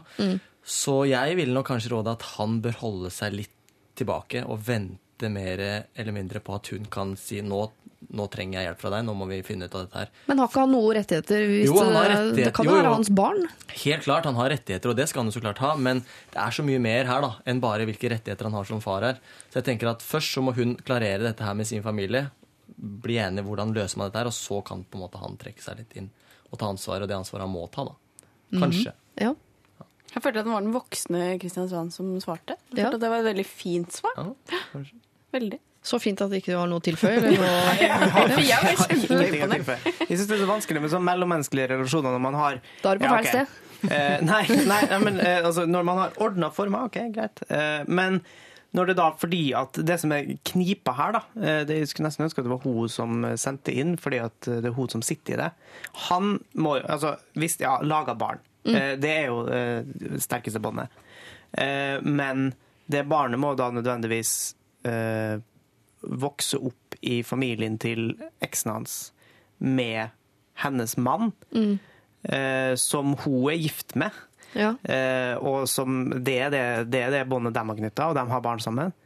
Det, det her var uh, sinnssykt vanskelig. Ja, Man kan jo krysse fingrene og håpe at det er altså, samboeren hennes som er far også til dette barnet. At det bare er uh, et nytt familiemedlem, et nytt søsken, og ikke noe, uh, altså, ikke noe kluss der. Men Og Derfor er det også viktig at han holder seg litt på, på sidelinja. Hvis han nå begynner å involvere seg og tro med en gang da, at dette er barnet hans, så begynner det liksom skape mye mer kall det dramatikk da, enn det Ja. det kanskje kan og burde være. Så la henne få litt rom til å finne ut av hva opplegget er, og så kan hun ta kontakt med han når hun føler at det er riktig. da. Og så må jo han ta rettighetene og få alt det han krever og må ha. Ja. Men det er vel ikke så mange uker som skal gå før hun faktisk har muligheten til å finne ut ganske nøyaktig på dagen, eller i hvert fall på uka, når dette barnet ble uh, laget. Og eh, dette vet jeg ikke, men jeg tror i en situasjon hvor man uh, er gift, men man driver og ligger med en eks, så tror jeg ikke man er i situasjonen hvor man driver og ligger så mye med mannen sin. Da tror jeg den ligginga er mer sånn som skjer rundt jul og kanskje på bursdag. Skjønner du hva jeg mener? Er det sånn det er? Ja, jeg lurer på det. Så, ja, men jeg tror ikke, det er ikke veldig mange som driver og ligger med eksen og samtidig mannen, man har to barn og sånn. Jeg tror, det, det, det tror jeg ikke. Så jeg tror hun skal, før det har gått for langt, kunne klare å finne ut av hvem det er som er faren. Ja. Og kanskje da holde det hemmelig, i hvert fall. ja, før den til tid det. Ja, det er spørs liksom-. Eh, om mannen hennes er klar over hva som har foregått, da, fordi at hun pælma han ut. eh, og veit han da Altså Har det foregått etterpå, altså, eller var det ei natt der liksom ting skjedde? Eller har de hatt et forhold, eh, disse her eks... Jeg har inntrykk av at de bare faktisk hadde vært én heit natt sammen. Altså. Ja. At, de, at de har hatt den litt sånn på gang. Og jeg tipper at denne mannen antakeligvis vet om noe av det, i hvert fall siden Ja. han har blitt kastet på dør. Så må han ha fått en grunn til det. Jeg ville vært litt eh, mistenksom da, hvis de var han mannen. Ja. Ja. Men nå, altså, jeg har masse uh, råd jeg har lyst til å gi til henne, men nå er det jo uh, da den tredjeparten som sender inn og lurer på hva han skal gjøre, og dere mener at han skal holde seg langt vekk. Inntil videre. Ja, jeg mener det. Inntil Men videre. ja, Og hvis det da er hans barn? Ja, da må han jo ta Da kan han jo ta kontakt. da. Hvis hun sier da OK, det er ditt barn. Det var den kvelden vi var sammen. uh, og du er faren. eh, så må jo han ta et valg, da. Hvordan skal han forholde seg til dette barnet, og hvordan, hva ønsker hun? Ønsker hun at de skal ha veldig mye kontakt? eh, Så må de jo bli enige om det. De har jo ikke noe krav på liksom å ha 100 Altså de skal dele dette her. De kan jo fordele dette. Og så må hun jo vite om hun har lyst til å bevare forholdet til mannen sin. da. Altså Hvordan har hun lyst til å ha denne familien samlet? Ja. Eller ønsker hun å gå over til denne eksen som hun har dette nye barnet med? Det virker jo som at hun ikke er helt fornøyd i det forholdet hun er i. Så hun må jo ta stilling til det også. Altså Nå har jeg ligget rundt, jeg har fått et barn, mannen min har jeg kastet ut. Satser jeg på det familielivet vi har hatt, eller tenker jeg det er ferdig, nå har jeg lyst til å satse på eksen tilbake der, og Ja. så kan vi starte en familie? Og så hvis det er mulig, eh, eller må man jo tenke litt på hva er best for dette barnet. Ikke sant? Altså, Det, det hensynet må man jo ta, men det er jo helt umulig å vite hva som er best for det barnet. Ja. Altså Vokse opp i den familien med halvsøsknene sine, eller eh, med bare Altså, det der. Huh, Og det var allerede eksisterende barna. Ja, ikke Ja. sant. Det er noe som heter å drite seg ut. Men til deg, da, snekkeren som du kaller deg, eh, som jo har sendt inn problemet, og som jo helt konkret spør skal jeg holde meg langt vekk eller være frampå og, og støtte henne. Hold deg litt vekk i begynnelsen. Ikke vær frampå, men støtt henne. Men la hun på en måte eh, vis henne på en eller annen måte at jeg støtter deg hvis du trenger det, og så får hun da be om det når, hvis, dersom osv. Og så send oss en gjerne oppdatering på hvordan dette her går. For hvis det viser seg at det er ditt barn nå, så vil det dukke opp nye problemer. Og da eh, føler jeg at du selvfølgelig fortjener at vi tar tak i dem også, når de problemene måtte komme. Hei og eh, eh, Lørdagsrådet har en mail. LR for Lørdagsrådet. Alfakrøll. NRK.no. Send inn problemene dine der. Det trenger ikke å være så tungt og vanskelig som dette, så selv om vi tar det òg. Eh, men vi tar imot alt som måtte være der ute av problemer. Hei, kjære Lørdagsråd. Jeg har nettopp fått samboer. Over en lengre periode har min nye samboer flyttet inn med sine gjenstander, og eh, ting og det hele begynner å bli seriøst. Dette er bare fint, og vi er veldig lykkelige. Jeg prøver mitt beste med å være positiv til hans western og katteplakater. Og teak har tatt en del av stua, noe jeg er veldig negativ til i utgangspunktet. Men nå trenger jeg råd. Det har nå dukket opp en vekkerklokke med sterk belysning på soverommet, noe som passer dårlig da vekkerklokka starter å lyse to timer før jeg trenger å stå opp. Dette er et eh, utrolig intenst lys som lyser opp hele soverommet, og jeg er avhengig av å ha det bekmørkt når jeg sover.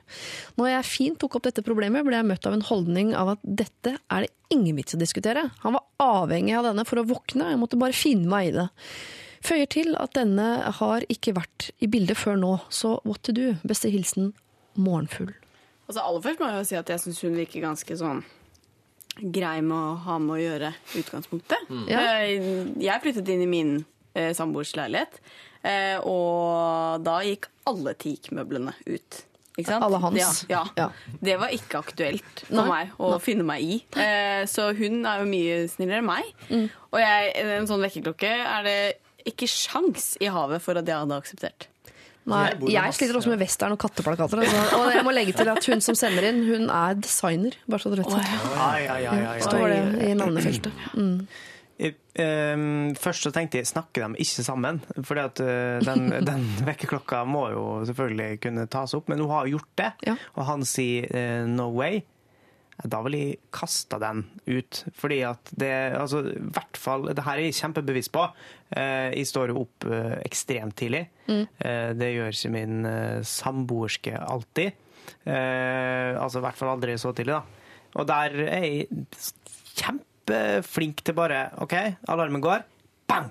Eh, umiddelbart. Det er ikke noe snusing på morgenen Jeg kan tillate meg én eller to eh, slumreaktige Altså sesong... altså, Hva heter det? Omganger? Uh, Men, To sesonger med slumring Ja, på morgenen der. Ja. men de må skrus av raskt. Ja. Uh, og så må jeg ganske raskt ut igjen av rommet, da. Ja. Fordi det er en ting som er En ting er litt digg å våkne to timer før du skal stå opp, eh, for da kan du bare sovne igjen. Men eh, du skal ikke vekkes. Nei, du skal bare Ja, Ja. jeg skjønner. Er dette første gang hun er i den leiligheten? Altså, Er det sånn at hun, de ikke har vært hos han når de Det er han som har flyttet inn til henne og driver og tar med seg disse tingene. Å, ja, ja. Og til nå har det vært western, katteplakater, teak og så videre. Så nå Men kommer det snakker man klokka på liksom toppen. ikke sammen altså, er det sånn at man, Snakker man liksom ikke sånn sammen før eh, man skal flytte sammen at du, kanskje ikke de westernplakatene passer? Skjønner man ikke det? Mm. Altså er det ikke noe sånn jeg, Da jeg og kjæresten min flytta sammen, Mm. så skjønte jeg jo litt at alt funker jo ikke. Alt er jo ikke liksom, passer jo ikke inn her. En del gjør jo det, så klart. Men Mm. uh, ikke alt. Og man må jo Altså Snakker man ikke litt om hvordan ting skal være, eller tar man bare med seg hele flyttelasset og kjører opp westernplakater er deg, og, og altså. katteplakater og teak og Du har vært ganske raus, for du har jo Ja. veldig mye bilder hengende på veggene hjemme hos deg som Veldig. moren til kona di har malt. Det syns jeg er raust. Det er fin, altså. Eh, men altså, jeg skjønner ikke hvor de har eh, Nei, jeg har er det hjemme hos Kristian. Ja, okay. Men eh, eh, jeg syns du har vært raus i utgangspunktet på western og katteplakater. Altså, hvis du blir sammen med en designer, Jeg mener hun har satt ned foten for seint. altså, hun må slippe den indre Megga i seg løs mye mye tidligere. Burde ha klikka for lengst. Ja, og, og at han sier at det er ikke rom for diskusjon. Det, da. det er sånn dårlig utgangspunkt for et uh, samboerskap. Ja, Da må vi bygge på, så ikke det er rom for diskusjon. Ja. Da må vi ha et tilbygg. Alltid være rom for diskusjon. Ja, flere rom for det. Men hvordan, eh, Du mener at du skal bare kaste ut hele klokka, Yngve? Ja, men Det er jo verdens teiteste holdning eh, å si at man har et sånt, litt sånn bråkete uroelement. Som Nei, jeg, jeg trenger dette her eh, for å våkne. Eh, og det er liksom to timer før hun skal våkne. Ja. Det er, jo, det er jo regel nummer én at man skal få lov til å sove i fred, i hvert fall. Jeg tror det er en sånn klokke som var veldig populært rundt juletider for en tre år siden. Eh, Sikkert som begynner å lyse to timer før man skal stå opp, for at kroppen skal få inntrykk av at den våkner av at solen har stått opp, og ikke av at man har fått Shania Twain inn i øret. Altså sånn, jeg tror det er en greie. Er Jeg fikk en sånn nemlig. Da jobbet jeg i P3 Morgen. Alle fikk en sånn til jul. Jeg ga den videre til min bror. Um, nei, kanskje det har en eller annen effekt. Han begynte å lyse sånn svakt, sterkere og sterkere. Og så til slutt så våknet man og trodde at man hadde liksom fått sove så lenge som man ville, for man sto jo opp sammen med solen. Ja. Altså, Men skal du bruke noe sånt, så må jo begge være enige om at dette er måten å våkne opp på. Ja, og den må Ja. brukes idet man skal våkne. Ja. Ja. ikke Kanskje hun, kan, før. kanskje hun kan liksom ta den motsatte. Ta en sånn veldig sånn aggressiv eh, ringetone som, som bare ringer veldig høyt. Bare Ja. Noen, i veldig sånn korte intervaller. Men så vise da hvordan det er. For det er sånn hun må Det er våkne, hun, ikke sant? sånn, sånn må hun våkne. Men problemet er at hun står opp to timer etter han. Ja, så det blir litt sånn Så hun må da liksom det? må, Nei, klokka fire på natta, så går den. Så kan du kjenne hvordan det føles. Ja. Kan ikke bare få barn, så har han liksom ordna det. Men han sier det er ikke rom for diskusjon. Jeg er jo vanligvis litt imot at man bare skal uh, ta avgjørelser helt sånn uten å ha snakket om det. Men han sier det er ikke rom for diskusjon, så kan vel hun En dag kommer han igjen, og den klokken er knust. Og hvis han spør hvorfor, så er det sånn det var ikke rom for å diskutere det. Så da gjorde jeg da tok jeg bare grep. Ja, Vi skulle jo ikke diskutere nesten dette, sa du. Knust edder i skapet. Det går jo an. eller hjemme. Ned i kjelleren. Ting forsvinner. Jeg, jeg føler noen ganger at ting forsvinner hjemme hos meg også. også. et ran! Ja, altså, ja, senere ting forsvinner. Men bare ting sånn- du ikke liker? Nei, ting du er veldig glad i. Men Ja, ting bare ikke- forsvinner, vet du. Så plutselig kommer det nye fine ting, og så forsvinner det enda mer. Er det sånn hjemme hos dere? Ja, det er en fin måte. Ja, Er det sånn hjemme hos dere? det er sånn. Er det ofte dine ting, eller litt sånn Mine ting stygge forsvinner. Ting? Treningsbag forsvant her en dag, vet du. Ja. Måtte få meg ny. Ta som et hint. Ja. eh, Hva skal vi si til morgenfull, da? Hva er det mest konkrete det, Ta han vekk, og så hvis Ja. han konfronterer, så det, den her var, saken var det ikke rom for diskusjon Hun har i. prøvd. ja. Men Western og katteplakatene, som jeg syns faktisk er vanskeligere å forholde seg til enn Klokka. De har nok rykt. Ja. de ryker. Ja, og teak. Er Er det han som ryker her, er jo spørsmålet. Han og teaken. ja. Ja, vet du hva, jeg må bare, Ikke for å være grusom her, altså, ikke noe mer enn jeg er sånn rent personlig, i hvert fall. Men når du flytter inn til en dame som i 99% av tilfellene har bedre smak enn deg Sorry, mannfolk, men vi har litt bedre smak Ja, enn dere. Sånn Sånn er det bare. Så når du flytter, er så heldig å flytte hjem til henne og hennes ting, så ikke, ikke ta med deg noe. Bare la det ligge, rett og slett. La hun få lov til å velge ut en katteplakat hun kunne tenkt seg å henge opp på veggen. Ja. Ta en katteplakat hvor hun har på noe cowboyhatt eller sånn, og heng den på do som et sånn minne om fortida med en tikram eller et eller annet. Så kan du gå inn på do og være der så lenge som du pleier, og tenke at eh, dette er meg før. Men det er det ikke rom for her, eh, i likhet med diskusjoner. Lykke til. Lørdagsrådet på P3. Yngve Hustad, Hustad Reites kommentar til dette bandet var Hva gjør du hvis du skal google det bandet her? De har altså kalt seg Sweden, og låta heter Hey Come On. Forrige uke i Lørdagsrådet så tok vi opp uh, dette her med å tisse i dusjen. Uh, det var en innsender som skrev at han hadde det for vane, og lurte på om dette var noe han burde slutte med nå som han skulle flytte sammen med en eh, kompis. Uh, Rådet forrige uke var overraskende splitta. Jeg selv og Rune Gokstad mot Gaute Gutta Grav og Petremorens Morgens eh, Silje. Eh, Vi, eh, altså Rune og jeg mente at det måtte være rom for å tisse i dusjen. Eh, Gaute Grøtta Grav og Silje brakk seg vel mer eller mindre, og syntes det var helt uhørt. Vi kan jo høre noen av tilbakemeldingene som kom der.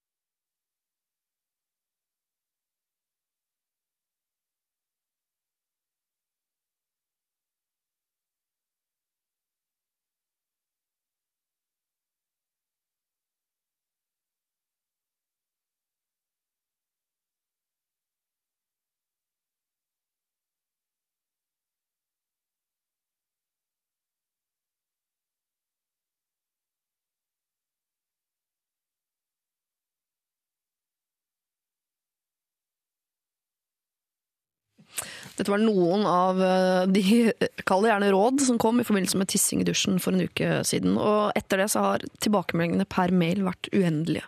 Dette var et tema som opptok dere i overraskende stor grad. Jeg skal ta noen av de. Ærede lørdagsråd, jeg sitter her og prøver å rette oppgaver fra mine elever, men det går dårlig eh, nå som dere tar opp min store angst, nemlig tissing i dusjen.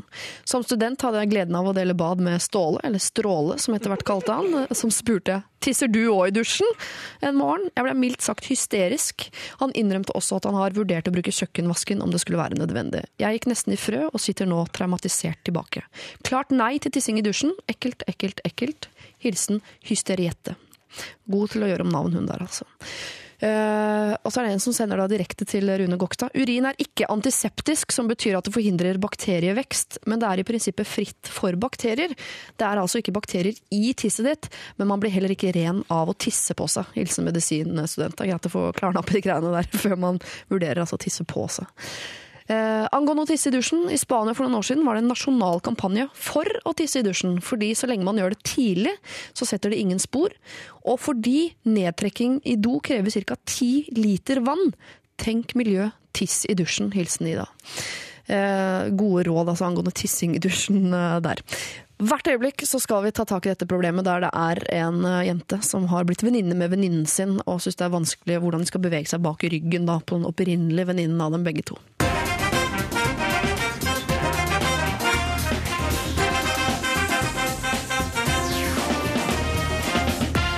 Manic Street Preachers og deres kommentar til uh, tissing i dusjen. If you tolerate this, your children will be next. Lørdagsrådet hører du på, og vi prøver så godt vi kan å hjelpe dere og de problemene dere måtte ha. Og I dag er jeg så heldig å ha med meg Yngve Hustad Reite, Kristian Strand og Katarina Flatland.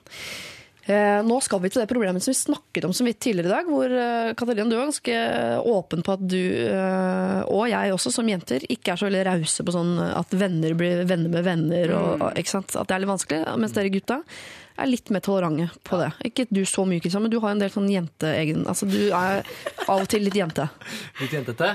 Ja, du refererer altfor ofte til Dawson's Creek, for Ja, eksempel. ja, det er sant. ja. Jeg må finne en ny serie. Ja. Gilmore Girls eller noe. Ja, for den er ikke så jentete, tenker du? eller? Jeg tenker at Du må begynne å se på noe sånn Deadwood eller noe, eh, noe zombie Ja, ja. eller et eller annet. Ja, porno eller et eller annet. Du er nødt til å begynne å se på det. Kjære Lørdagsrådet. Vi har fått sies, da, vi har fått inn masse SMS og mail på problemer som, er, eh, som ligner på dette. Så det er tydeligvis noe folk tenker mye på sammen. Nå tar vi det vi har tenkt å ta utgangspunktet. Jeg har et problem jeg trenger deres hjelp til. Jeg har en venninne som jeg er veldig glad i, men hun er ofte litt mye, og jeg blir fort irritert på henne dersom jeg er sammen over flere dager. Problemet er at jeg har blitt veldig god venninne med hennes venninne. Vi har eh, merket at hun ikke er så glad i dette. Er det feil av oss å være sammen uten å invitere henne? Må hun alltid være sammen med oss? Jeg har dessuten også lyst til å dra på weekendtur med eh, venninna til venninnen min. Vi har snakket om dette, og hun har også lyst. Men vi føler vi må be med hun andre, men vil helst bare dra oss to. Eh, Det er dessuten en slags sydentur, og vi vet at hun egentlig ikke liker å dra til Syden. Trenger råd. Hilsen eh, 29-åring som føler seg som om hun er 14. Jeg kjenner følelsen. Katarina, jeg syns du skal begynne ballet. Ja, jeg kjenner jo også veldig følelsen. Eh, og her er det litt vanskelig, for jeg merker at hvis jeg hadde vært eh, den venninna som de egentlig kanskje ikke vil ha med på tur, så hadde jeg følt at det var utrolig kjipt. Eh, og ja, ordentlig kjipt, liksom. Eh, men samtidig så er det jo synd, for de har jo tydeligvis funnet hverandre eh, og har lyst til å, være venninner bare de to. Og så det virker jo ikke som de er sånn kjempefan av hun andre. Eh, Eller hun tredje, da. Eh, I og med at hun kan være litt slitsom og litt sånne ting. Ja. Men, men jeg merker at jeg identifiserer meg veldig med denne tredje venninna, som, som ikke vil bli holdt utenfor. Så jeg syns det er sånn vanskelig å gi råd. Um, jeg syns vel i det store og hele at de må kunne være venninner uten at hun tredje må være med. Ja. Men, eh, og sånn bevisst Man kan jo prøve å invitere henne med på noen ting, mm. men ikke nødvendigvis sydentur, kanskje. Nei. Jeg, er jeg, jeg, Ja, hva også- tenker Da, vi venter med hva jeg tenker. Altså. I, for du sin fasit, Siri. Overhodet ikke. Stort sett i livet gjør jeg det, men her er jeg så ute på tynn, tynn og veldig glatt is. Jeg, jeg ville nesten snudd litt på det. Altså, jeg, jeg, jeg, jeg følger veldig mye av det du sier, Katarina. Men jeg tenker nesten, når man skal gjøre såpass store ting som å dra og reise, eh, da kan man gjerne inkludere. Men det er lov til å spise middag sammen, og det er lov til å gå på kafé sammen uten at man alltid må trekke altså, Man må ikke samle alle, liksom. Det går Nå er jeg egentlig veldig enig med deg. Altså. Det er utrolig kjipt å bli værende igjen når de andre skal på ferie. Jeg Ja, hvis- endrer hvis man mening skal gjøre litt, ja. og følger Ingrid. Men du kommer litt an på hvor altså, er dette, er et tre, dette er et trekløver. Opplever det som et trekløver. Altså sånn, Det er Ja. de tre det er liksom, de tre musketerer. Den ene blir holdt litt utenfor. Eh, Jeg støtter jo den type store, store ting som på en måte blir et samtaleemne over lang tid fremover. Mm. Og sånn, sånn, ja, sånn som dette her vil bli da, hvis vi reiser til Las Vegas. ikke sant? Disse to jentene. De kommer bare til å referere til Las Vegas-ting, og så blir hun ene holdt utenfor. Der tenker jeg også ja, inkluder alle, og så kan man heller da tenke at hun kanskje ikke vil, da. Eh, Får nesten håpe på det, da. ja, men nesten så, ja. Det er litt Ja. sånn å håpe på. Men uh, folk vokser litt fra hverandre. ikke sant? Mm. La oss si at de tre skulle reist til Las Vegas. To av dem elsker å dra på kasino. Mm. Mens hun ene som er litt sånn eh, kjip, kall den det, bare skal drikke seg full hele tiden. Altså, Mm. Ferien for de to andre vil jo bli helt annerledes. Mm. og noen ganger så tenker jeg at ja, man vokser fra hverandre på en, en del områder. Altså sånn type Kafé kan man alltids gjøre, snakke litt og oppdatere hverandre. Men det er jo noen ting hvor man klikker mye bedre sammen. For eksempel dra og gjøre idrett eller andre ting. Så man bare finner at den personen jeg er mye mer like hverandre. Da. Og det er jo lett å ødelegge Istedenfor at alle tre skal ha en litt sånn litt dårlig ferietur, så er det kanskje kulere for de to. Og så får de si det vi skal gjøre, er de og de, de tingene. Er du keen på å være med på det, eh, og det er det vi skal gjøre, så kan hun ta et valg da, hvis hun skjønner at det er ikke jeg så veldig keen på. Det Men er ikke allerede meg. der så blir hun jo veldig holdt utenfor. For da er det to stykker som har snakket masse, og så kommer de og leverer en ferdig pakke som de vet at hun ikke liker. Hei, Ja. nå har vi snakket masse om at vi skal gjøre noe du overhodet ikke liker. Vil du bli med? Da, da, man, da Ja, skjønner men, så, hun at men så må man dette er tenke plikt. litt sånn, Kanskje man skal legge inn ett, sånn, en sånn greie, da. Så går vi én dag på museum. Ikke sant? Ja. Bare for å Men det er jo liksom, hvor, hvor, hvor lyst har de lyst til å være sånn trekløver? Hvor, mye, hvor mye vennskap har de? Ja, Hvor mye har de lyst til å legge dette her? Hadde det ikke vært trekløver, så burde du- altså, det, to, det er jo sånn at to og to kan finne på ting. Det er jo ikke sånn at alle alltid Nei. må være med på alt. Uh, Men det er jo det at de to har møtt hverandre gjennom denne tredje. Det er jo der problemet oppstår. og Det, det burde jo ikke være et problem, men alle som har vært nummer tre, vet at det er problematisk. Ja, men jeg merker at jeg igjen endrer mening. Er det lov? Ja, ja, ja. For nå merker jeg at det nå, etter det du sa, Kristian, om at uh, den ferien blir jo litt sånn amputert for alle. Eh, og du er jo sammen 24 timer i døgnet på en sånn tur. Eh, og den kommer til å bli ganske mye kjipere for de to hvis hun er med og det ikke er helt klikk. Så åh, jeg bare merker at hvis jeg hadde vært den tredje personen, er det utrolig kjipt. Men for de to så burde de jo kanskje ikke ta henne med på ferie. Så blir det også veldig kjipt. Nå er jeg veldig Jeg tror nesten ikke jeg klarer å bestemme meg. Nei, jeg også syns det er skikkelig vanskelig.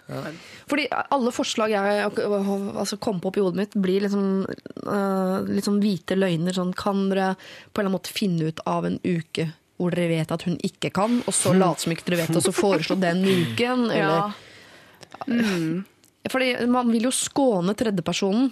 Og jeg syns ikke dere skal gå inn i noe samtale. Jeg er fan av samtale og dialog, altså, men her så er det ikke noe sånn Den samtalen Nei, nei, vil bare nei, nei. oppleves som vond. Altså, vi har Kjære deg, Petra. Vi har jo truffet hverandre eh, via deg, men nå har vårt vennskap utviklet seg. Altså, den samtalen der vil du ikke sitte og høre på. Men hvis Petra da eh, stadig skal liksom altså Hvis du er en litt sånn slitsom person, eh, så går det an å kanskje minne Petra på når hun er slitsom. Eh, altså hvis man, hvis hun, det er sikkert en sånn, altså Du kan alltid diskutere eller kverulere eller få gjennom sine meninger. Eh, at man da kan liksom vise til Petra at nå er du litt eh, kranglete. Eh, det her eh, trenger vi jo ikke på, på turen vår, eller i, i, hvis vi er på Vi kan prøve, en sånn, prøve hyttetur, for eksempel, eller et eller annet sånt, der man eh, prøver ut eh, hvordan de funker, de tre sammen. Da. De har sikkert gjort det allerede. Ja, Men det går jo an å si fra at eh, nå, nå må du roe ned dette der, for det er faktisk ikke så viktig å krangle på. eh, eller de, de, de standpunktene du tar, er ikke så viktig at vi trenger liksom å ødelegge stemninga. Nei. Og så er det noe med det å balansere, tenker jeg. Altså, la oss si at de to venninnene drar på denne turen, som er en uke. Men så kan jo hun gjøre noe annet hyggelig med hun andre. Som på en måte er litt sånn, veier litt opp, da. Sånn at man skjønner at man tar ikke en side, på en måte. Være litt uh, smart. Ja, for jeg sitter jo litt med følelsen av at disse to snakker mye negativt om den tredje og på en måte gjør henne verre enn hun er også nå, for nå har det blitt en felles greie for Ja, dem, sånn og plutselig fort. eh, blir hun den felles fienden, hun da, og så har hun ikke muligheten til å rette det opp, for hun sitter jo bare der som tredje person og aner jo ikke hva de to driver med når hun ikke er til stede.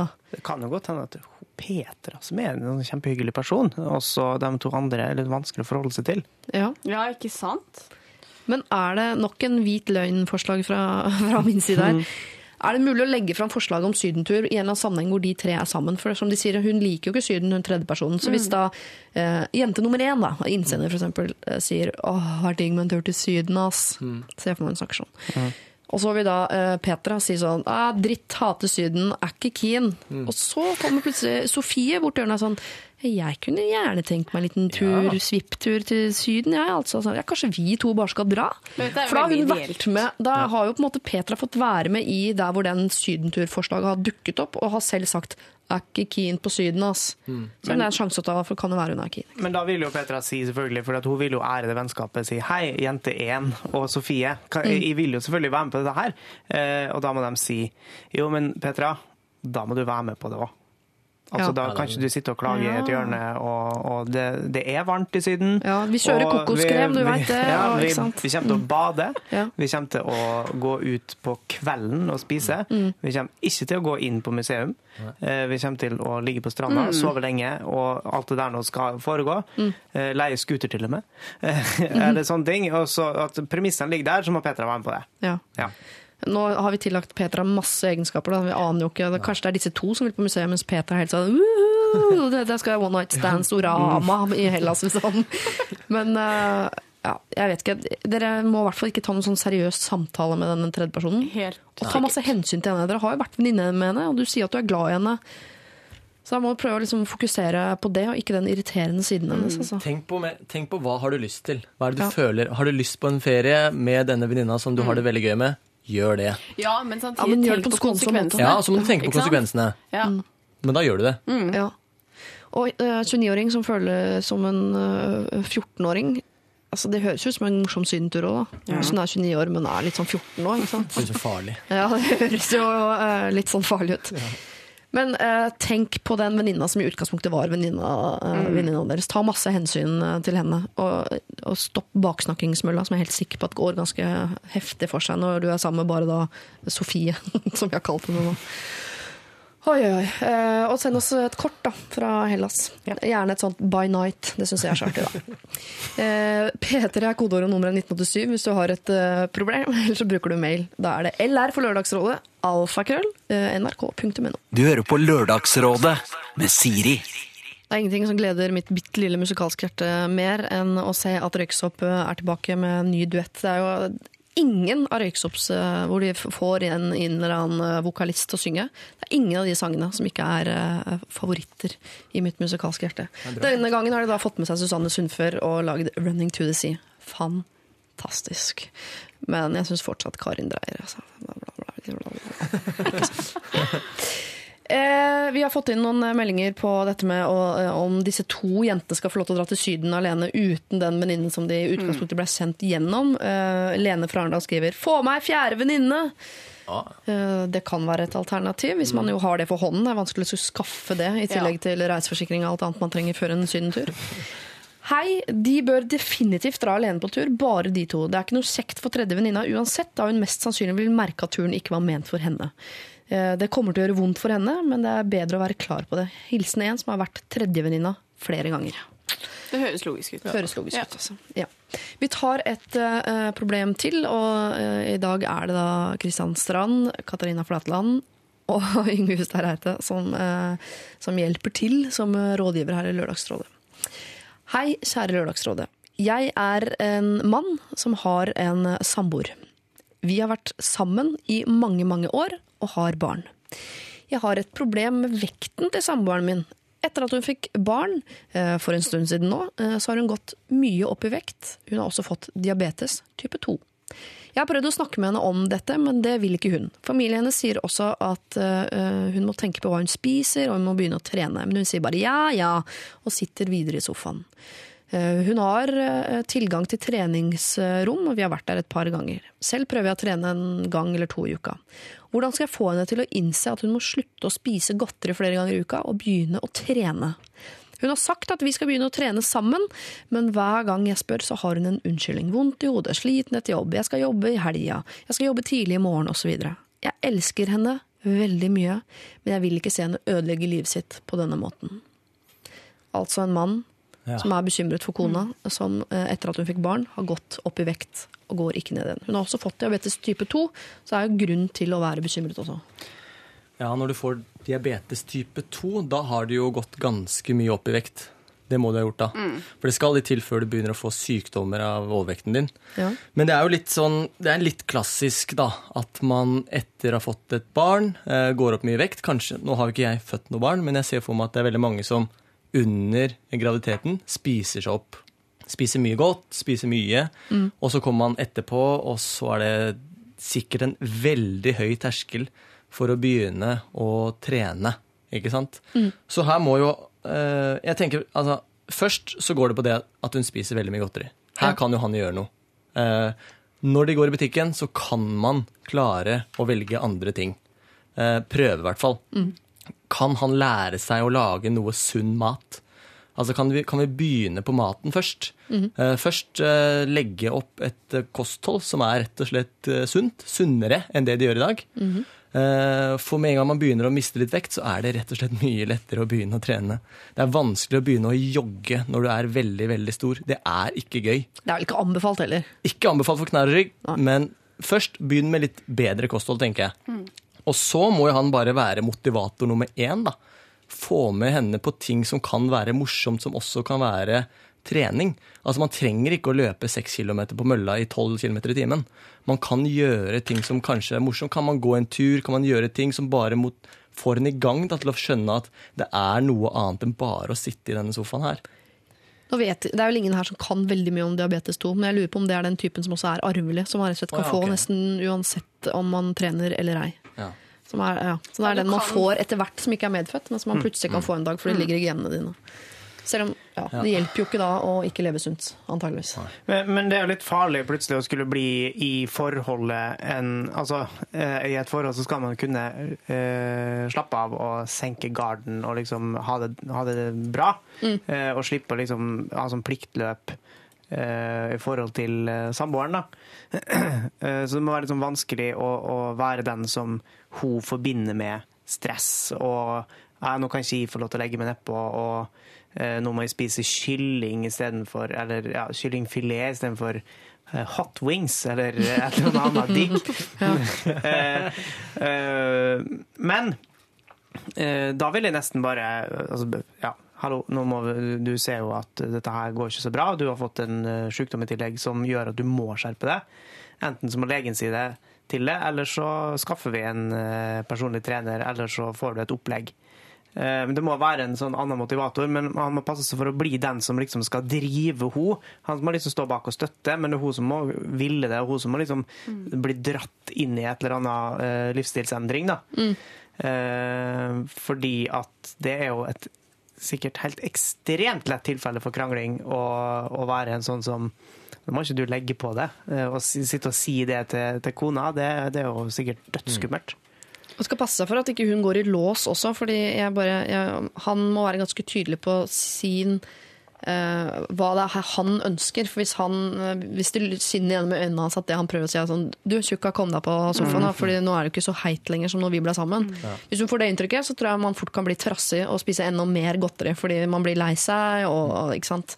Han må prøve å få fram en eller annen sånn du, nå er jeg bekymret for deg, jeg er glad i deg, jeg vil at vi skal dele livet sammen, kunne gjøre ting. Vi har barn, jeg vil at måte, det skal være lett for oss å jogge opp en akebakke sammen med ungene.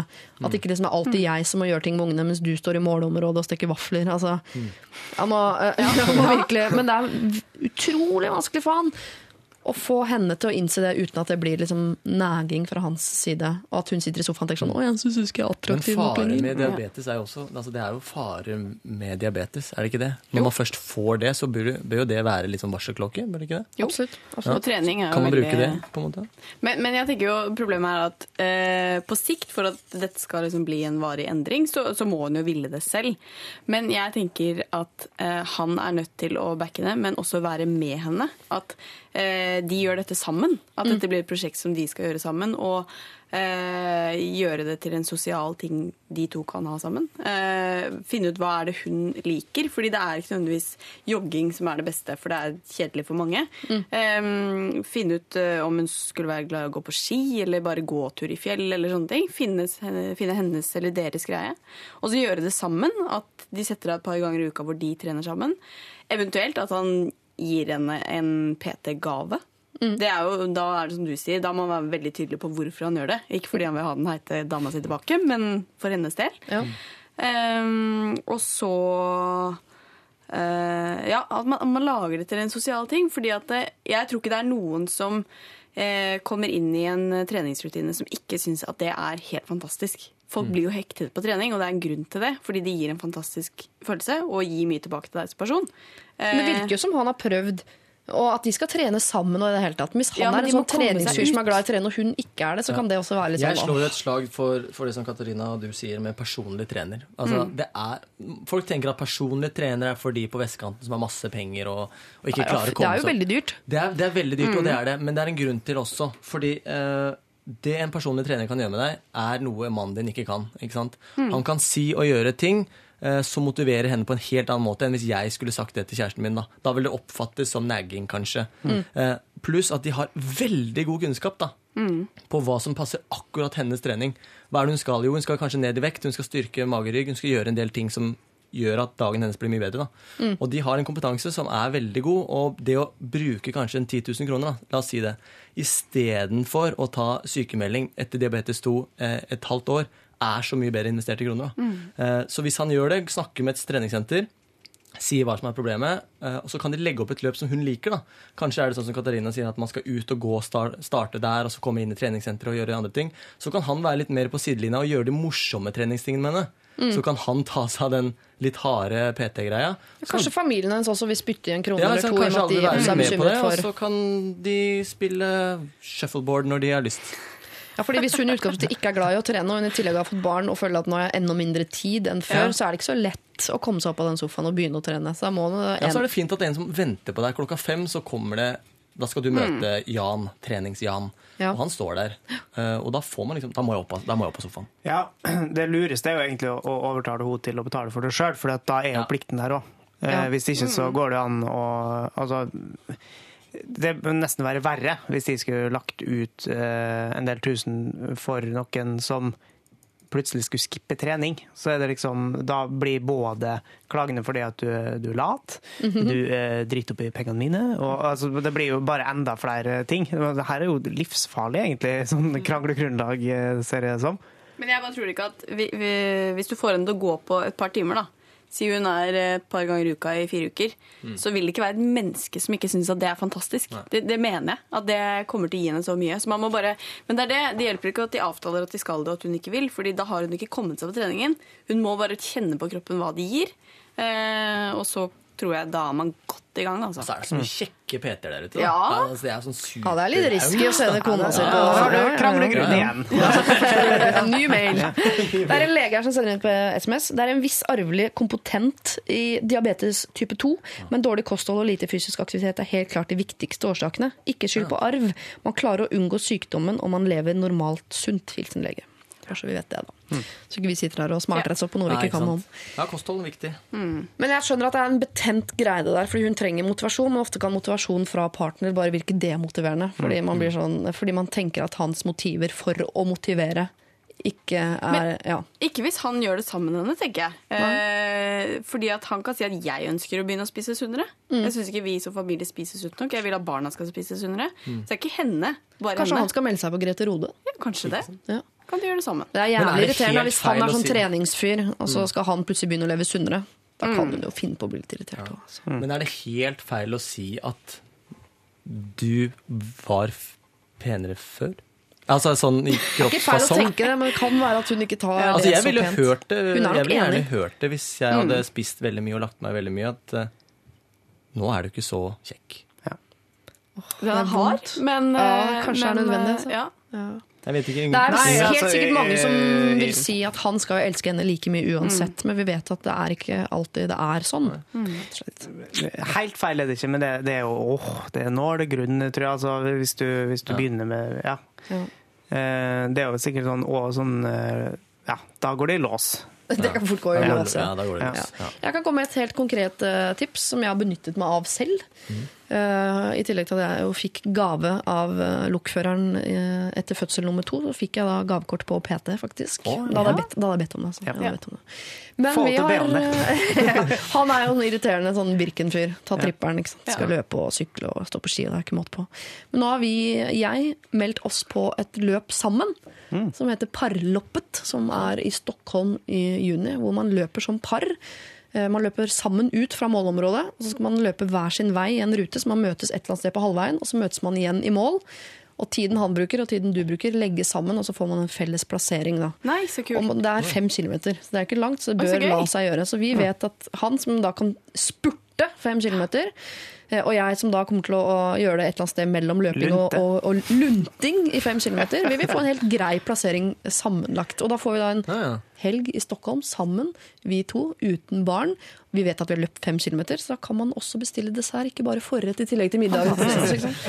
Jeg bare sier at det kan være fryktelig motiverende. Jeg vet at jeg og kjæresten min skal løpe fem kilometer sammen. Men ikke ved siden av hverandre, for det har jeg ikke likt. Han skal ikke få se meg pese meg gjennom den parken uh, i de der uh, tighte løpeklærne sine. Det er også slitsomt når man skal jogge sammen. Skal man jogge foran? Skal man jogge bak? Ved siden? Helt umulig. Klarer aldri å avgjøre. Ikke løp sammen. Løp hver deres vei, møtes i målområdet. Er ruten lagt opp sånn at det blir sånn hjerte? Ja, det håper jeg da virkelig. Hvis ikke så kommer jeg til å sende en skriftlig klage. Lørdagsrådet Blood Command, High Five for Life synger de altså. Vi skal dele ut en T-skjorte, folkens. Kristian Strand, Katarina Flatland og Yngve Hustad Reite. Det blir en P3-T-skjorte eh, som en eller annen der ute skal få lov til å bære på sitt bryst. Eh, kandidatene er eh, hun eh, som eh, lurte på om hun var forelsket eller bare glad i sin medstudent og kamerat, hun skulle, eh, hvordan hun skulle finne ut av hva denne følelsen var for noe.